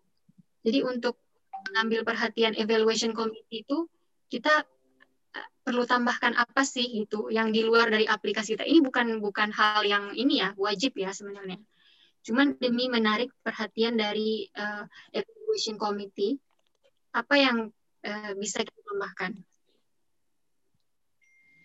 di luar ini ya uh, kalau saya sih menurut saya ini ya apa uh, apa nama itu uh, tadi yang kelebihan lain yang kita miliki. Mungkin hal-hal simple itu bisa kita tambahkan di sana gitu lah. Semacam apa tadi kayak itu di seminar di seminar pertama udah disebutkan ya. Apa kalau ada misalnya Bang Iskandar kalau saya sebutkan waktu itu eh, kegiatan-kegiatan di di desa atau di mana gitu kan yang mengarah ke sosial simple gotong royong misalnya itu bisa kita sebutkan hal-hal kecil itu ya edition itu kan tadi pertanyaannya ya Iya, iya betul betul. Ya kan? Hmm. Jadi uh, ya. yang bisa, bisa inilah. Ya. Nah, yang bisa gimana ya? Yang bisa menaikkan ini kita ya, nilai kita gitu di mata uh, di mata panitia gitu kan. Uh, tapi tetap tetap ini tetap istilahnya gimana ya? Uh, tidak perlu dilebih-lebihkan uh, apa adanya aja gitu kan. Tapi tetap uh, kita ini berbeda dari orang lain gitu. Nah, gitu gimana? Teman-teman pasti lebih tahu dirinya masing-masing kan. Gitu.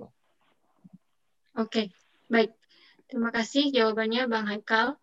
Uh, masih ada juga yang belum paham tentang beda ijazah dan transkrip.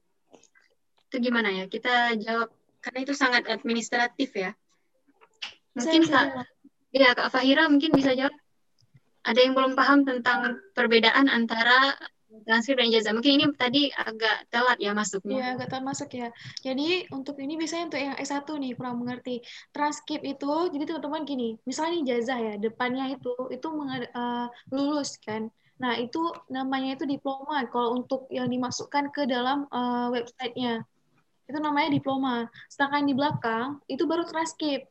Nah, jadi satu lembar depannya yang dimasukkan diploma, yang di belakang transkripnya yang di belakang itu nilainya. Itu untuk ijazah bagi teman-teman yang ada ijazah itu biasanya teman-teman yang sudah lulus dari SMA nah yang daftar ETB ini banyak juga anak yang belum tamat SMA alias masih kelas 3 SMA kelas 3 SMA di pilihan Education Information itu nggak boleh ditulis graduate, ditulisnya continue karena kalian belum lulus SMA gitu. Jadi pilihannya itu bukan uh, di di graduate tapi di continue. Setelah itu otomatis kalau kalian udah ngeklik continue, dia diplomanya itu hilang. Alias ada transkrip. Transkripnya itu yang perlu kalian isinya itu hanya nilai rapor dari semester 1, 2, 3, 4, sama 5. Jelas nggak? Ini udah sangat jelas. Ya. Jadi saya rasa juga sudah sangat jelas kak. Uh-huh. Nanti kasih, mungkin uh, sebagai tambahan teman-teman yang mungkin tadi kan Kak Fakira udah jelaskan itu eh, di awal ya. Nanti bisa dilihat videonya. Nanti kita akan upload videonya di YouTube. Insya Allah akan kita share ulang.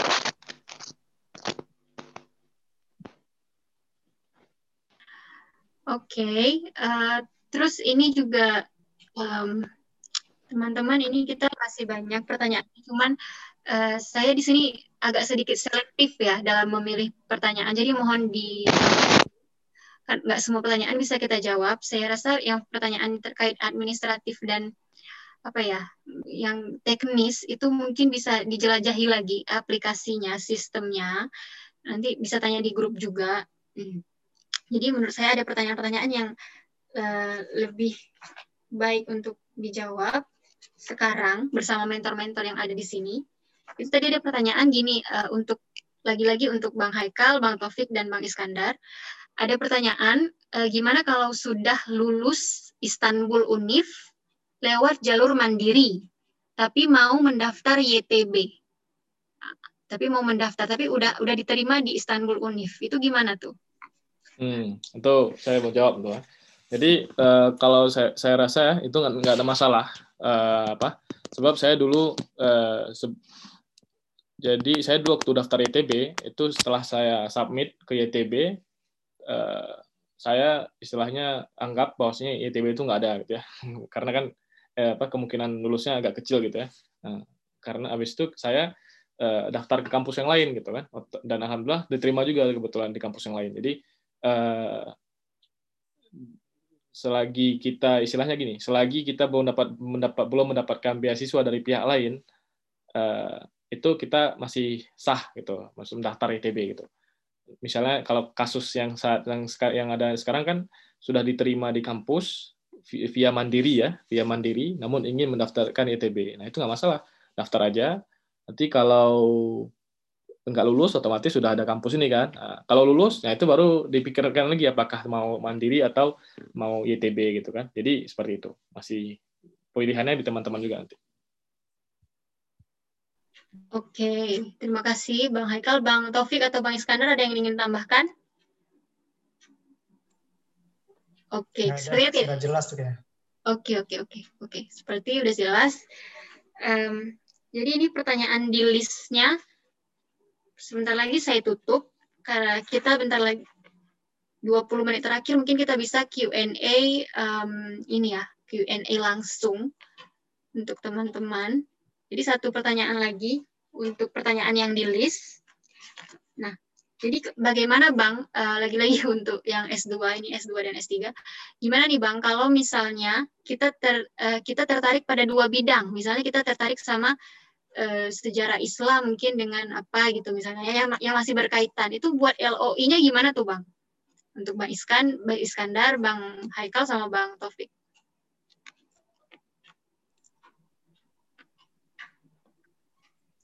nah kalau saya boleh coba menjawab ya. Uh, untuk kawan-kawan semuanya ini perlu diperhatikan juga bahwa kita di sini melamar beasiswa. Jadi uh, kalau bisa saya sarankan uh, diusahakan fokus ya supaya nanti uh, ketika orang uh, YTB melakukan penilaian, jadi mereka tahu kita arahnya oh orang dia bagusnya di sini dan mau teliti tentang ini dan memang ini bagusnya ini. Kalau bagus lulus untuk wawancara itu. Jadi uh, saya sarankan memang diusahakan buat satu topik aja dan menjurus ke situ. Walaupun nanti bisa di bagian-bagian lain kayak misalkan pengalaman, organisasi, award dan lain sebagainya itu bisa dicantumkan yang tidak berkaitan dengan uh, penelitian ataupun bidang yang dipilih. Akan tetapi untuk LOI dan jurusan yang dipilih itu diusahakan memang uh, kawan-kawan itu memang konsisten dalam memilihnya. Itu mereka juga akan menilai itu. Jadi uh, kalau bisa saya sarankan lebih baik dipilih satu aja dan difokuskan ke situ untuk ditumpukan uh, apa namanya semua uh, apa uh, penjelasannya. Bisa di, dikuatkan di situ aja di satu bidang aja bisa itu sih dari saya. Terima kasih. Baik terima kasih uh, bang Iskandar. Dari bang Haikal mungkin Oke, okay, uh, memang itu ya yang seperti apa Bang Iskandar katakan sebaiknya memang uh, konsisten ya kalau istilah seminar kemarin Bang ya Bang Iskandar ya uh, konsisten dalam memilih bidang dalam artian uh, apa kita ini mau fokus ke mana gitu kan. Uh, namun apakah bisa, apakah boleh? Ya itu ya boleh-boleh aja. Mereka misalnya uh, mau ngambil dua bidang ya boleh-boleh saja. Itu terserah dari teman-teman kan. Mereka juga selagi istilahnya gini, apa uh, nanti uh, akan kelihatan mana yang nggak boleh itu, mana yang boleh akan kelihatan. Artian teman-teman ketika melampirkan ijazah sebelumnya, gitu ya, uh, jenjang sebelumnya, nanti opsi yang akan keluar di apa di di sistemnya itu adalah uh, yang ber, yang apa uh, yang berdekatan dengan bidang yang teman-teman ambil sebelumnya gitu. Nah, teman-teman hanya yang bisa ambil bidang itu itu aja gitu kan, nggak nggak bisa misalnya nih dulunya lulus di sejarah terus mau ambil teknik, nah, itu nggak bisa, nggak nggak kelihatan opsinya gitu. Jadi uh, nanti yang kelihatan, yang seluruh yang kelihatan itu bisa teman-teman pilih apakah beda bidangnya agak berbeda silahkan, tapi tetap uh, tadi rekomendasi dari Bang Iskandar uh, konsisten dalam memilih bidang itu lebih di, disarankan gitu ya. Nah, seperti itu kira-kira. Baik, uh, oke, okay. terima kasih pada Bang Haikal. Uh, saya sebelum saya mengalihkan ke Q&A tahap selanjutnya, saya mau bilang aja teman-teman ini masih saya masih ada yang tanya juga ya. Jadi aplikasi ETB itu tutupnya tanggal 20 Februari. Cuman tadi seperti yang Bang Haikal sudah bilang, mentor kita bilang tadi, lebih baik kalau kita submitnya tuh lebih awal daripada itu karena sistemnya sendiri suka down, suka error karena kebanyakan orang mungkin yang masuk. Jadi uh, maksudnya le maksudnya lebih baik kalau kita uh, submitnya itu mungkin tiga hari atau empat hari atau lima hari sebelum 20 Februari itu ya untuk mengingatkan lagi. Oke. Okay. Nah, jadi uh, pertanyaan yang di list saya rasa udah cukup, udah habis ya. Sekarang uh, kita sebelum ya, ini gimana bang? Sebelum hmm. sebelum ini ya apa Q&A uh, eh, ingin mengingatkan lagi mungkin. Uh, jadi kita kan sudah menampung ini ya review LOI gitu ya di di grup sudah kita kirim uh, linknya gitu ya. Nah untuk uh, penerimaan LOI itu uh, kita batasi sampai tanggal 30 Januari kan sebab ini ada empat hari lagi lah. Uh, jadi teman-teman bisa di brainstorming aja terus sendiri. Yang belum menyiapkan LOI-nya bisa disiapkan sekarang, gitu kan, brainstorming. Dan nanti LOI-nya dikirim ke link itu, nanti akan saya upload lagi ke apa? Akan saya kirimkan lagi ke grup-grup sehingga uh, tanggal 30 kita terima akhir. Nanti mentor-mentor di sini akan mulai uh, istilahnya ya LOI masuk akan direview dan akan dikirimkan ke email teman-teman masing-masing gitu ya. Jadi uh, nanti uh, istilahnya gini uh, apa namanya itu kita uh, se, se, apa uh, akan usaha secepat mungkin mengirimkan reply LOI-nya sehingga teman-teman di situ nggak harus ketik misalnya gini feedback dari mentor ini nggak harus uh, ya nanti teman-teman sendiri yang akan merevisi LOI-nya menambahkan hal apa yang bisa dikembangkan intinya uh, kenapa kita taruh tanggal 30 Januari agar teman-teman sendiri bisa dapat uh, ada waktu untuk meng, mengubahnya mengubahnya lagi gitu ya, mengimprove lagi gitu. Jadi seperti itu. Uh, ya silahkan, Yasmin. Oke, oke terima kasih atas uh, ini ya pesannya juga Bang Haikal. Nah jadi uh, saya rasa ini kita bisa langsung masuk ke Q&A Q&A yang terakhir ya teman-teman. Mungkin kalau misalnya terlalu banyak juga pertanyaan yang datang, kita bisa tambah lagi waktunya ya tapi tetap aja kita melihat juga kondisi mentor-mentor kita yang yang banyak kerjanya juga, yang banyak kesibukannya, seperti misalnya yang lagi buat PR, ada deadline tugas gitu ya teman-teman. Jadi kalau misalnya nanti tidak terjawab semua pertanyaannya, tanyakan lagi di grup, pakai format masing-masing yang ada, tanyakan lagi di grup, kami siap membantu teman-teman untuk menjawab semua pertanyaannya. Oke. Okay. Kalau lagi-lagi saya ingatkan untuk pertanyaan yang administratif dan teknis seperti tadi Anda tanya, Kak masih nggak tahu ijazahnya di mana? Itu saya rasa kita udah nggak perlu lagi jawab pertanyaan itu ya teman-teman. Tolong dilihat sendiri di sistem aplikasi ETB-nya, di mana kita harus taruh ijazah. Nah, jadi gini, jadi sistemnya itu gini sekarang untuk Q&A yang terakhir ini. Saya akan mempersilahkan teman-teman uh, yang mau bertanya bisa dibuka suaranya, audio dan juga videonya kalau misalnya kalian berkenan. Jadi saya akan buka Q&A sekarang. Siapa yang mau bertanya boleh uh, mengangkat tangan ya, raise hand. Ada nggak raise hand di sini? Oke, okay. oke okay, raise hand. Great. Nah saya udah lihat ada empat orang di dari komputer saya saya bisa lihat ada empat orang yang sudah mau bertanya. Saya langsung persilahkan aja kalau gitu ke uh, Kak Siti Ratnasari. Kak Siti Ratnasari boleh bertanya? Oke, Kak. ya, Bismillahirrahmanirrahim. Terima kasih kesempatannya, Kak.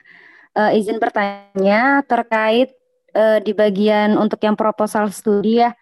Pertama itu di bagian yang general structure. Uh, Bang Iskandar tadi bilang boleh disampaikan dengan dua cara, yaitu diurutkan gitu kayak kayak daftar isi dan yang keduanya diparagrafkan gitu Kak ya. Yang ingin saya tanyakan di kalau misalkan uh, kita ingin menjawabnya itu di, seperti daftar isi itu kita nulisnya itu kayak misalkan bab satu kita bahas latar belakang, dua uh, rumusan masalah dan tujuan misalkan terus kita tulis lagi bab dua itu tinjauan pustaka tuh misalkan saya pertanian apakah misalkan kayak teori tentang tentang penambahan pupuk terhadap tanaman misalkan gitu Bang ya. Terus di uh, terus seterusnya gitu ya seperti apakah memang persis seperti daftar isi pada saat deskripsi gitu Bang ya. Itu yang pertama. Terus yang kedua penulisan jurnal. Jika kita memakai jurnal nasional yang dari Indonesia apakah penulisan ketika di bagian daftar pustaka atau yang daftar pustaka yang bagian nomor tujuh ya kalau nggak salah yang literatur literatur review. Itu kalau misalkan kita ngambil dari jurnal bahasa Indonesia apakah harus diinggriskan nama jur, nama jurnalnya? Itu pertanyaan yang kedua. Terus pertanyaan yang ketiga ketika kita memakai metode di di di bagian metode metodologi apakah kita harus menggunakan sitasi bang? Kan kita banyak ya penelitian-penelitian sebelumnya yang menggunakan yang misalkan kita menggunakan metode yang sudah dipakai orang gitu. Apakah kita uh, sitasi gimana bang ya terima kasih kak Oke, uh, terima kasih Kak Siti. Boleh kita uh, tanya kepada Bang Iskandar. Gimana tuh Bang? Ya, uh, saya coba jawab, tapi nanti kalau lupa mohon diingatkan lagi ya sebenarnya. Uh, yang pertama tadi tentang uh, general structure, kalau kita yeah. tulis uh, seperti daftar isi, itu gimana bisa hmm. nggak hmm. ya? Uh, hmm. Ya, memang uh, nanti kawan-kawan jangan jangan betul-betul seperti daftar isi ya karena kan uh, kata-katanya itu terbatas. Jadi sebaiknya memang yang apa uh, sub uh, subtopik yang penting-penting aja yang dijelaskan di situ. Dan kalau bisa kalau misalkan dibuat pun dalam bentuk uh, daftar isi itu dijelaskan dulu di atasnya kayak ada sedikit pengantar gitu kayak uh, di study uh, generally will discuss about this A gitu. Dua tiga misalkan tentang uh, penerapan pupuk yang digunakan uh, pupuk yang efektif terhadap tanaman. Dua uh, pupuk organik yang sering dipakai gitu. Jadi uh, bisa seperti itu. Akan tetapi jangan terlalu yang misalkan yang terlalu detail kalau bisa jangan dicantumkan karena memang kata-katanya terbatas. Takutnya nanti ada beberapa subtopik yang penting yang selanjutnya tidak dapat dimasukkan ke dalam ini. Jadi uh, menambah apa namanya? mengurangi uh, in uh, apa uh, isi ataupun uh, konten yang disebut yang disebutkan di sini itu saya kira perlu di, di apa namanya diperhatikan oleh kawan-kawan semuanya. Kalau misalkan pun mau memasukkan seperti daftar isi, di ini lagi, misalnya yang penting-penting aja dimasukkan karena kata-katanya terbatas. Takutnya yang penting nanti nggak masuk ke situ. Dan yang kedua tadi tentang uh, apa namanya? Metode bukan? Nah, metode ya. Nah, kalau hmm. metode itu kalau misalkan mau dibuat uh, citation pun lebih baik lebih baik dibuat in note kayak misalkan uh, nama uh, ta tahun aja itu sudah cukup saya kira. Kalau misalkan metode ini sudah sudah pernah dipakai oleh eh, orang-orang uh, ini dan ataupun sudah uh, ini kalau saya kira untuk penulisannya seperti di jurnal itu bisa uh, bisa dibuat in note kayak uh, nama nama penulisnya ataupun nama yang di site itu dengan tahun. Itu saya kira cukup dan itu hmm. sudah umum ya digunakan seperti itu. Karena kalau misalkan kita uh, buat uh, footnote itu kayaknya terlalu kurang ini menarik nanti di situ dan terlalu banyak menghabiskan kata-kata di situ dan tidak bisa kita jelaskan yang lain. Nah, yeah. karena kata-katanya terbatas, jadi diusahakan dijelaskan secara jelas, detail, dan uh, baik gitu. Efisien uh, gitu, Pak ya? Secara efisien. Gimana? Secara efisien, saya di, dimaksimalkan benar. juga gitu ya, dengan batasan ya, benar, katanya. Benar. Ya, Terus tadi karena, ada juga pertanyaan yang ini uh, apa sitasinya itu harus diinggriskan nggak? Kalau misalnya sitasinya itu bahasa Indonesia. Ah, kalau yang rujukan ataupun sumbernya dari Indonesia, kalau nama jurnal saya kira lebih baik di ini. Tapi kalau misalkan mau juga judulnya aja yang diinggriskan supaya mm -hmm. uh, mereka tahu ini kita buat ambil rujukan tentang apa gitu. Kalau misalkan baik, nama jurnal, uh, biarkan aja itu nama jurnal Indonesia. Kalau judul saya saya kira judul lebih lebih penting itu. Walaupun kalau misalkan dalam uh, penulisan nama jurnal itu lebih penting sebenarnya. Tapi kalau di sini uh, kalau menurut saya uh, judul uh, jurnal tersebut yang penting untuk memberitahukan si penilai ataupun orang ITB bahwa kita mengambil jurus uh, apa sumber tentang ini gitu. Ya mm -hmm. itu saja dari saya. Terima kasih. Baik baik baik Uh, saya harap sudah jelas jawabannya untuk Mbak Siti yang tadi tanya. Uh, karena masih banyak teman-teman yang mengangkat tangan, jadi saya langsung lanjut ya, uh, langsung lanjut ke pertanyaan selanjutnya dari Diki Febrianto. Diki Febrianto, bisa ditanyakan mungkin? Oke, siap. Ya, uh, terima kasih sebelumnya ke Yasmin hmm. dan abang-abang uh, yang lain Uh, jadi sebenarnya uh, sebelumnya saya sampaikan terima kasih atas materi yang sudah diberikan luar biasa. Uh, insya Allah terkait uh, LOA, LOI dan yang lain uh, paham. Uh, hanya saja ini sedang bingung untuk pemilihan topiknya kan. Jadi uh, kebetulan saya sejarah uh, dan abang-abang di sini banyak yang sejarah kayaknya.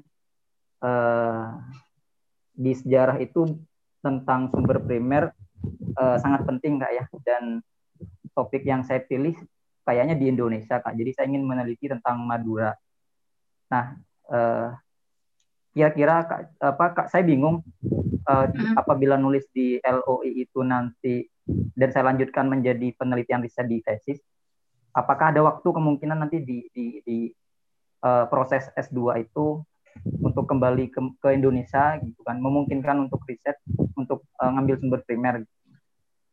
Mm kayak gitu jadi ataukah amannya saya nanti uh, bisa berubah di mencari riset sejarah di Turki itu saja mungkin baik, Kak, baik, terima baik. kasih Baik, terima kasih Mas Diki. Jadi uh, saya dulu, saya mungkin bisa bantu jawab juga sebelum saya lemparkan komentar lainnya. Jadi kalau untuk uh, riset itu, nanti itu tergantung kita ya. Dan riset itu itu nggak fix ya teman-teman. Itu nanti bisa berubah, bisa berubah eh, saat kalian di Turki. Jadi eh, sekarang kalian rencananya apa gitu, mau riset apa.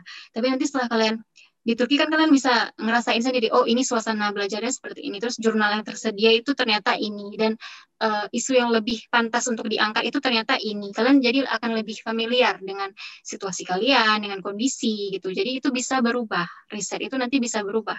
Kalau misalnya nanti kalian harus mengambil sumber primer ke Indonesia, itu uh, bisa. Kalian bisa. Ada ada teman saya teman saya yang sedang S2 itu dia pulang ke Indonesia atau pulang ke negaranya yang lain uh, pulang ke negaranya masing uh, negara original dia untuk mengambil sumber primer. Tapi ya itu tadi uh, itunya ditanggung sendiri. Untuk uh, keperluannya itu ditanggung sendiri. YTB cuman berkewajiban untuk membayar uang uh, stipend atau uang jajan per bulan terus tiket uh, pulang pergi pertama kali dan setelah kalian lulus kuliah. Itu. Terus habis itu ada apa namanya yang di cover yang lain itu kayak asuransi itu tetap asuransi kayak makan gitu-gitu ya. Jadi itu ya jawabannya. Untuk Bang Taufik uh, atau um, Iskandar ada yang mau ditambahkan lagi mengenai hal ini? Boleh ya saya tambah sedikit saja. Boleh boleh boleh jadi gini, seperti yang disampaikan Kak Yasmin tadi, sebenarnya apa yang kita tuliskan sekarang itu nggak terlalu mengikat uh, dengan penelitian kita di hari di kemudian hari. Untuk menentukan judul itu nanti kita akan bicara lagi dengan dosen pembimbing kita masing-masing. Seperti pengalaman saya, saya di LOI saya tulis hubungan Indonesia dengan Turki kan, abad ke 19 gerakan Islam di abad 19 antara Indonesia dengan Turki. Tapi pada kenyataannya dosen saya, saya malah menyuruh saya untuk mengkaji tentang Indonesia saja. Mengkaji tentang Indonesia, ambil sampel satu, salah satu gerakan Islam di Indonesia, nah itu itu itu saja yang disuruh kaji sama dosen saya. Itu pertama.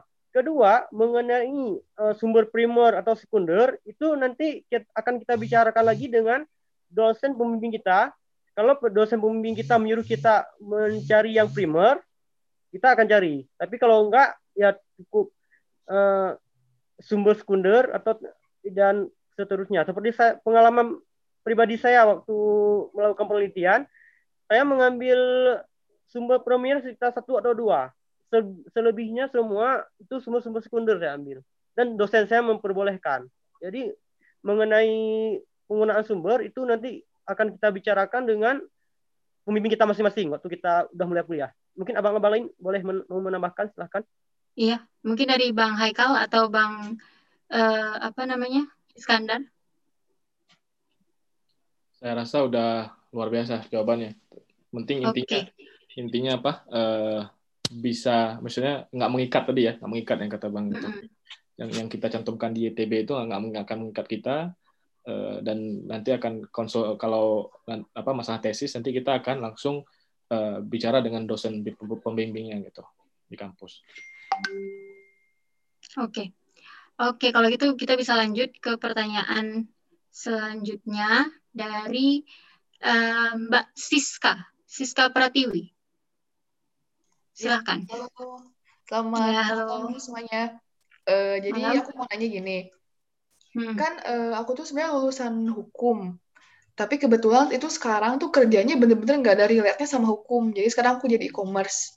Tapi hmm. nanti pada saat master itu aku mau apply HI gitu. Jadi kayak bener-bener nggak apa ya, nggak ada relate gitu. Jadi aku tuh bingung di LOI-nya. Kayak tadi kayak Kak Haika bilang, kalau bisa tuh ada sesuatu yang kayak project yang sudah kita lakukan. Jadi biar ini nih kita udah melakukan sesuatu gitu. Nah, mm-hmm. kebetulan nih apa ya mempengaruhi nggak ya kalau misalnya aku tuh nggak menyebutkan kalau aku kerja di e-commerce gitu. Jadi aku cuman menceritakan waktu itu aku kuliah hukumnya hukum internasional. Uh, terus isu yang mau aku angkat itu imigran kan. Nah itu mm-hmm. kan juga ada ada sedikit-sedikit dari hukum internasionalnya sama dari HI-nya. Nah jadi aku cuman mau ngomongin uh, tentang uh, pengalaman aku waktu kuliah aja. Jadi aku kayak nge-skip gitu uh, is apa ya mengeskip kegiatan aku waktu kerja sekarang gitu. Jadi hanya benar-benar ceritanya waktu aku D1, terus nanti aku mau masternya gimana gitu. Itu ada pengaruhnya nggak sih, Kak? Hmm, oke. Okay. Bagus pertanyaannya. Terima kasih Mbak Siska. Um, Iya, kalau saya sendiri kan saya jurusan HI ya. Memang isu isu imigran tuh uh, sangat ini ya berkaitan dengan HI. Uh, kalau saya sendiri sih, kalau saya jadi Mbak Siska, saya bakal hilangkan itu yang digital, saya e-commerce itu. Kalau kalau misalnya menurut saya nggak bisa membantu banyak dalam aplikasinya gitu. Jadi misalnya misalnya saya waktu S1 itu ada apa ya, misalnya magang, let's say, magang di suatu biro hukum ataupun LSM yang bergerak di bidang hak asasi manusia atau imigran hak imigran, saya akan lebih menonjolkan itu dalam aplikasi gitu uh, untuk lebih mengappeal ke para uh, evaluation committee di YTB-nya gitu ya. Uh, jadi dan itu menurut saya itu benar-benar terserah kita sih. Uh, kan YTB orang YTB juga jauh jatuhnya nggak tahu juga kalau kita pernah bekerja di e-commerce gitu kan. Jadi itu pandai-pandai kita sih mau mengkaitkan background studi kita dengan studi yang kita uh, apa akan ambil. Dan kita juga perlu sebutkan untuk apa ya urgensinya itu apa khusus kontribusinya juga apa untuk ke depannya itu. Dari saya itu mungkin ada yang mau menambahkan dari dari mentor-mentor lainnya? Bang Aikal bang Iskandar Fahira ya, uh, atau ini? singkat mungkin ya. Uh, ya tadi menurut saya ya seperti Esmin tadi sebutkan juga ya. Tapi uh, kalau apabila misalnya nih uh, pas ketika kita kerja di e-commerce itu kan ada mungkin sisi-sisi yang apa yang mungkin ada kaitannya dengan uh, dengan hubungan luar gitu kan. Nah itu mungkin bisa dimention juga. Jadi uh, e-commerce ini mungkin nggak usah dimention apa terlalu ini ya terlalu besar. Tapi uh, sebagai ini aja sebagai bosnya saya ada juga pengalaman gitu. Pernah juga di kerja di e-commerce. Jadi istilahnya tetap konsennya itu di hukum tadi ya kan? Dan hubungan internasional. Tapi juga ada perspektif juga perspektif lain di di bagian ini gitu. Jadi seperti itu mungkin ya. Jadi nggak terlalu ditonjolkan gitu. Baik, baik. Oke. Okay. Uh, eh, terima kasih Bang Haikal, Bang Iskandar atau Bang Taufik. Oke, okay, nggak ada ya sepertinya. Uh, Oke, okay, itu saja jawabannya ya, Mbak Siska. Oke. Okay. Oh, iya kak, mau tambah lagi sedikit, ya. sedikit aja. Oh iya, boleh boleh boleh. Nah. Mengenai pemilihan jurusan, kakak kan jurusan hukum ya? Iya betul. Karena kakak iya. hukum, nanti setelah kakak ngisi biodata, waktu kakak tekan apply, nanti sistem akan mengarahkan kakak ke jurusan yang bisa kakak pilih. Mm -hmm. Misal, saya kan oh. lulusan studi Islam. Saya lulusan studi Islam, nanti saya cuma bisa memilih jurusan yang ada berkaitan dengan studi Islam. Bisa sejarah Islam, sejarah keagamaan, tafsir, hadis. Jadi saya yang jurusan tadi Islam memilih jurusan hukum atau HI itu saya nggak bisa. Karena sistem nggak akan mengarahkan. Begitu juga kakak yang jurusan hukum, nanti sistem akan diarahkan. Mungkin apakah akan diarahkan ke jurusan HI atau tidak bisa dilihat nanti. Iya, tapi kebetulan Ada, kan sebenarnya bisa pilih HI, oke bisa. Iya, Enggak, kalau tuh... sistem mengarahkan nanti bisa pilih. Oh, Oke, okay. karena kebetulan tuh sekarang tuh tahun ketiga aku YTB. Jadi sebenarnya aku udah apply dua tahun kemarin tuh. Oh, ya, Jadi aku punya ya. aku punya akun yang lama. Jadi aku bisa oh. ngecek-ngecek jurusan dan kebetulan HI masuk gitu. Oke. Okay. Kalau HI diarahkan oleh sistem berarti boleh berarti kak. Karena terkadang iya, iya. Semoga kali ketiga ini lolos lah, insya Allah. Amin, amin, amin, amin, amin, amin. Amin. Amin. Iya, jadi uh, itu Bang Taufik tadi cuman ini ya menjelaskan gambaran. Jangan nanti kalau misalnya kalau saya pas sudah mau maju ke pilih pemilihan ustadz, ini kok udah nggak bisa nih. Ternyata itu tadi ya dari sistem ITB-nya memang sudah otomatis uh, mengarahkan kita gitu. Kalau misalnya kita jurusan ini, berarti yang kita bisa pilih cakupannya, rumpun ilmunya ini aja gitu misalnya. Ya, kalau misalnya mungkin kayak saya HI, saya juga bisa pilih kayak hukum internasional atau saya bisa pilih misalnya kayak security apa misalnya kan konflik studies mungkin itu saya masih bisa pilih gitu kan. Tapi kalau misalnya sejarah Islam tuh saya nggak bisa pilih karena saya jurusan satunya HI gitu. Oke nah jadi uh, terima kasih pertanyaannya. Kita lanjut. Masih ada satu orang lagi yang angkat tangan dari Adam. Adam HM boleh bertanya, silahkan. Oke, Assalamualaikum. Selamat malam, mentor-mentor semua. Uh, jadi uh, langsung saja ya pertanyaan saya, kurang lebih ini sedikit administrasi sih. Jadi hmm. saat ini saya masih uh, semester 8 dan otomatis diaplikasikan itu saya continue ya, uh, bukan yeah. graduate. Nah, jadi apakah dari pihak ITB-nya itu memberikan batasan kapan kita harus lulus dan kalau misalnya ada batasan itu uh, kapan ya Kak kira-kira? Itu yang pertama. Terus yang kedua, kalau misalnya nih ternyata bentrok nih, kan kita memang rencananya insya Allah itu semester ini lulus, tapi nggak tahu mungkin ada birokrasi kampus yang bikin ribet dan malah jadinya agak lama mungkin karena kan program YTB itu kan kita mulai aktifnya di bulan September ya atau bulan Oktober. Takutnya bisa iya. bentrok kayak gitu kak. Itu kira-kira gimana ya kak? Itu aja terima kasih. Hmm oke. Okay. Kalau untuk masalah itu ya gara-gara corona juga ada beberapa jadwal yang di delay juga ya benar. Um, kalau misalnya saya sendiri sih, saya pikir bakal terkejar ya. Kalau misalnya saya pikir bakal terkejar karena ITB itu mulainya September dan tergantung lagi dengan sistem pendidikan di Turki yang masih belum pasti. Nanti akan di, diumumkan lagi dari pemerintah mereka kapan mereka akan buka sekolah. Jadi kemungkinan besar bakal ditunda juga sih kalau corona masalah corona ini belum terlalu ini ya bisa kondusif bisa jadi mungkin yang mulainya September dimulai jadi Oktober gitu. Dan kalau misalnya hmm, sampai saat itu juga belum ada ijazah itu yang mungkin akan jadi masalah gitu. Bisa itu kan masalah masalah teknis ya. Jadi kita nggak bisa juga bilang sekarang karena itu bergantung dengan masa depan juga dengan dinamika yang ada di negeri kita sama negeri mereka juga gitu kan. Jadi saya minta bantuan dari mentor-mentor lainnya aja nih. Gimana nih menurut Bang Haikal atau Bang Taufik atau Kak Fahira mungkin, Bang Iskandar, ada yang bisa membantu menjawab? Uh, saya coba coba menjawab ya. Iya. Apa yeah. namanya? Uh, kalau ini ya batas lulus tadi ya. Setahu saya itu minimal memang uh, kita itu udah lulus perkiraan ya, perkiraan. Perkiraan itu kan kita biasanya lulusnya bulan Juni ya. Kalau di sini bulan Juni. Di Indonesia bulan Juni juga kayaknya, sekitaran bulan itu lah ya. Uh, Juni, Juli gitu kan. Nah, itu uh, paling nanti apa setelah bulan itu kita sudah bisa sudah dapat inilah apa uh, udah dapat istilah surat tanda kelulusan lah gitu kan.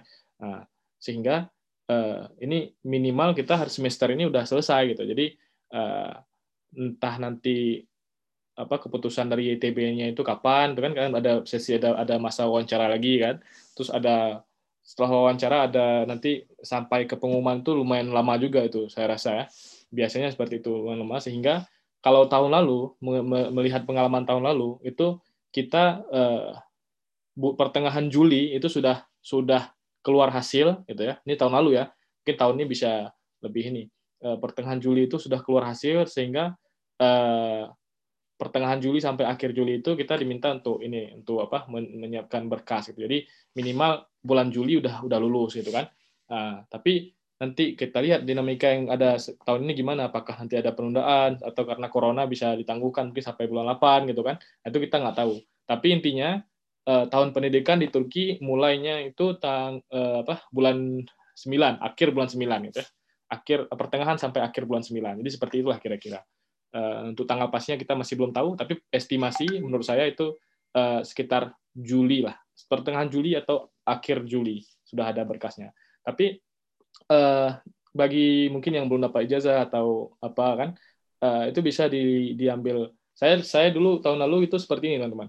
Uh, pas mendaftar ITB itu ya, kan saya di semester terakhir itu, dan surat tanda lulus, surat keterangan lulus belum ada juga, apalagi ijazah gitu kan Nah, saya uh, apa, uh, mengambil surat sebelum itu apa sebelumnya gitu ya, misalnya surat keterangan bahwasanya uh, semester ini pelajaran saya sudah selesai gitu, gitu lah. Jadi uh, apa yang bisa saya ambil lah, saya paksakan situ kan. Jadi saya kirim itu uh, apa uh, ya dijamin lulus enggak, tapi ya selesai semester ini pelajaran saya selesai gitu kan. Nah, intinya gitu. Uh, apa uh, setelah itu baru nanti kalau memang belum keluar ijazahnya ya baru kita minta surat bahwasanya kita ini lulus gitu kan, tapi ada pasti ada surat keterangannya gitu kan, nanti bisa kita lemparkan juga ke pihak ITB-nya. Jadi eh, jadi seperti itulah kira-kira jawabannya. Ya, oke, okay. terima kasih Bang Haikal. Kak Fahira atau Bang Taufik atau Bang Iskandar, ada yang ingin ditambahkan? Saya enggak. Oke. Okay. Ada cukup. Oke, iya, oke, oke. Ya, oh, oh ya saya ingat juga sih masalah itu kayak ada satu teman saya dari Brunei, jadi beliau itu ijazahnya kalau saya kalau saya nggak salah belum selesai. Jadi saat teman-teman yang lain dia sudah berangkat, dia bisa berangkat lebih telat, tapi dia lulus ya TB, dia lulus, tapi dia buat uh, arrangement macam dia uh, dia kayak kontak langsung orang YTB itu kalau yang menyatakan kalau oh, saya nggak bisa berangkat tanggal segini karena masih ada urusan, jadi uh, saya mau berangkat sendiri, pakai uang sendiri, Nah, tapi dia minta juga, misalnya YTB itu mereka akan ganti juga uang kita, uang tiket kita itu tadi saat kita berangkat pertama kali. Kalau misalnya kita berangkatnya tidak sesuai dengan jadwal yang mereka tentukan. Itu. Jadi itu kita juga bisa masih ini ya berkontak dengan uh, uh, kontak personnya yang di YTB itu teman-teman. Oke. Okay. Saya harap sudah puas uh, jawabannya. Tadi siapa? Uh, Mas Adam. Yes. Kalau gitu, kita lanjut ke pertanyaan. Masih ada pertanyaan? Oh ya, masih ada. Ini kita bisa akomodasikan berapa pertanyaan lagi nih ya kira-kira? Untuk para mentor gimana? Ya mungkin satu dua dua pertanyaan lagi bisa lah. Ini ada dari Firdan ya, satu lah. Oh ya, ya oke. Okay. Uh, eh, dari Firda, ya Firda silahkan. Ya, halo Kak. Uh, Assalamualaikum warahmatullahi wabarakatuh. Waalaikumsalam. Uh, terima kasih. Uh, di sini saya cuma mungkin minta sharing dari kakak-kakak uh, waktu wawancara, apakah yang sudah kita isi di proposal itu itu nanti ditanyakan oleh ini enggak dari YTB gitu. Itu aja sih kak. Oke, oke pertanyaannya bagus ya. Uh, jadi apakah yang di proposal itu akan ditanyakan? Karena saya saya nggak tahu karena saya belum pernah daftar S2 YTB jadi mungkin saya lemparkan ke mentor lainnya ya Bang Haikal atau Bang Taufik Bang Iskandar. Isi proposal apakah akan ditanyakan pada saat interview? Oke saya coba jawab ya.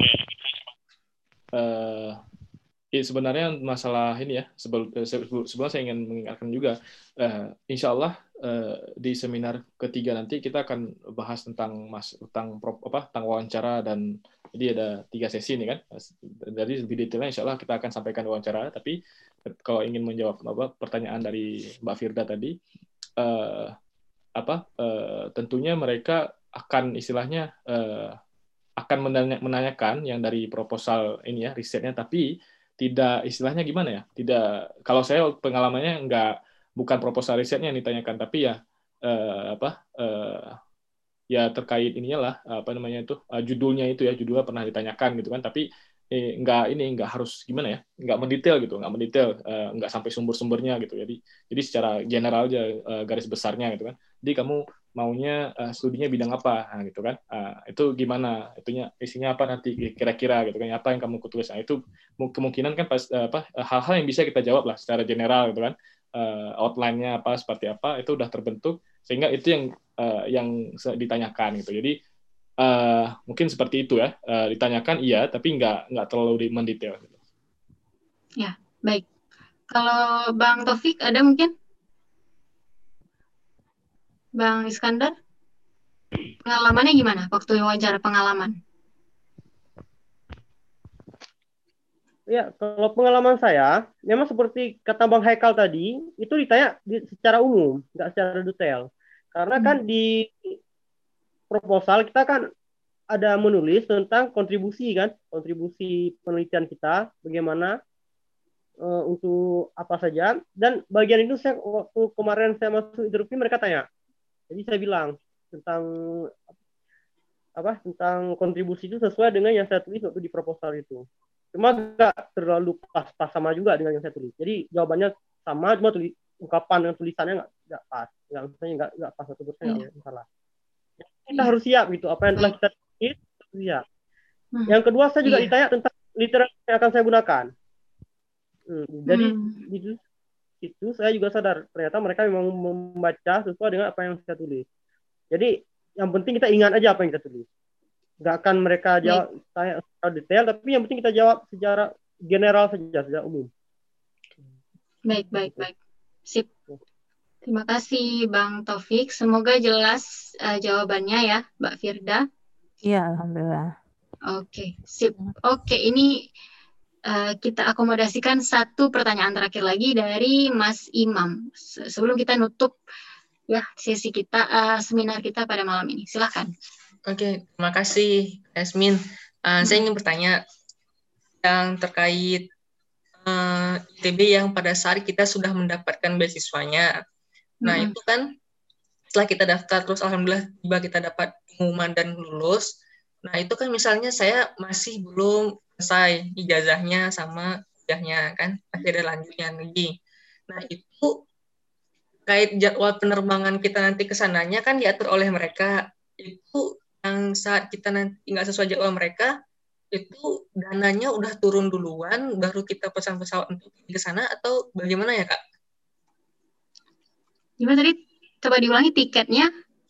Pesawatnya kan hmm. itu udah dari YTB-nya ya untuk memberikan yeah. jadwal, jadwal jadwalnya uh, jadwalnya jadwal penerbangan setelah terpunya uh -uh. nah, kita kan belum selesai yeah. belum keluar uh -uh. nah kemudian uh, pada saat kita sesuai jadwalnya itu kita undur itu terbangnya udah turun dana dari YTB-nya baru kita pesan pesawatnya atau bagaimana ya kak Oh, kalau yang tadi uh, itu ya, menjawab. Ya. Saya melanjutkan dari pertanyaan yang tadi berarti ya.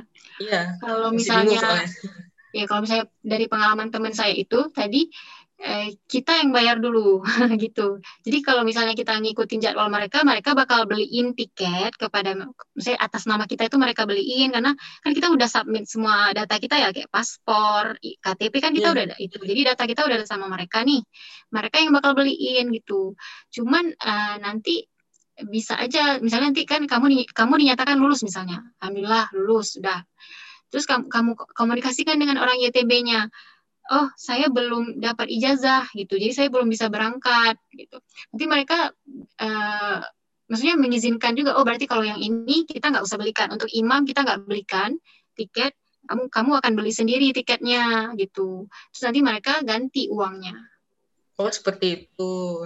Iya, jadi Kak. bukan bukan dibeli bukan dikasih uangnya juga ya mereka nggak akan kasih uang ke oh. kita sebelum itu. Pada saat di sana berarti baru diberikan gitu dananya ya? Iya, kalau misalnya teman saya seperti itu. Gitu. Oh, seperti itu. Ya. ya. Terima kasih Kak. Sama-sama. Oke, okay. uh, oke okay. uh, dengan berakhirnya pertanyaan terakhir, saya rasa uh, ini ya berakhir pula seminar kita pada hari ini.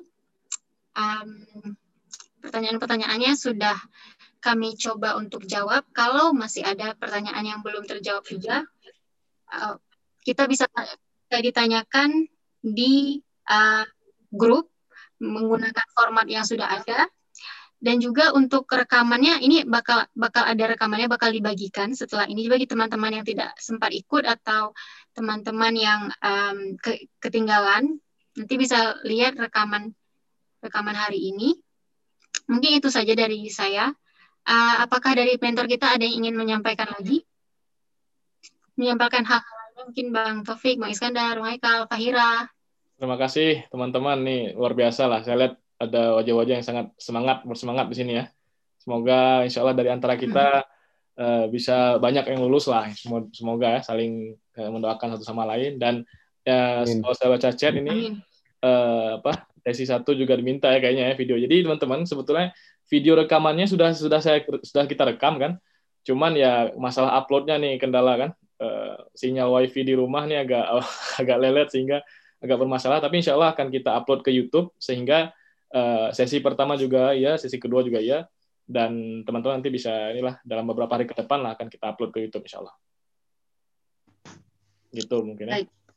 Dari Bang Taufik, uh, Kak Fahira. Saya cukup sih Kak. Oke. Okay. Ya, saya juga gitu juga cukup. Mm -hmm. uh, sel selamat berjuang lah untuk rekan-rekan semua. Ya teman-teman selamat berjuang. Ya. Oke, okay. Bang Iskandar masih di sini nggak? Nggak ada lagi kayaknya. Iya, masih, masih, masih. masih. Ikan ya, sama buaya, semangat semuanya. Ya.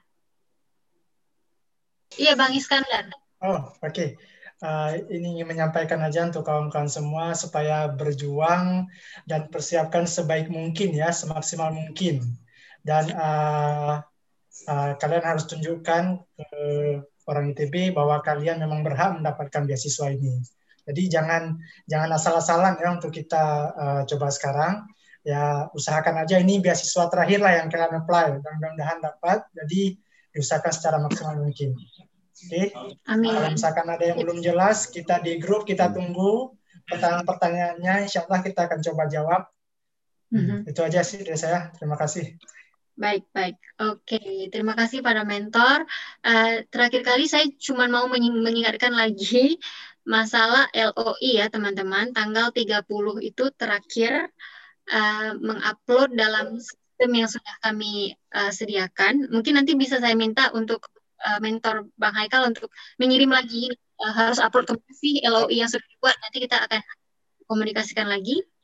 Uh, jangan, pokoknya jangan sampai tertinggal karena setelah itu kita nggak bisa review lagi ya teman-teman LOI-nya. Jadi jangan lupa tanggal 30 Januari. Oke. Okay.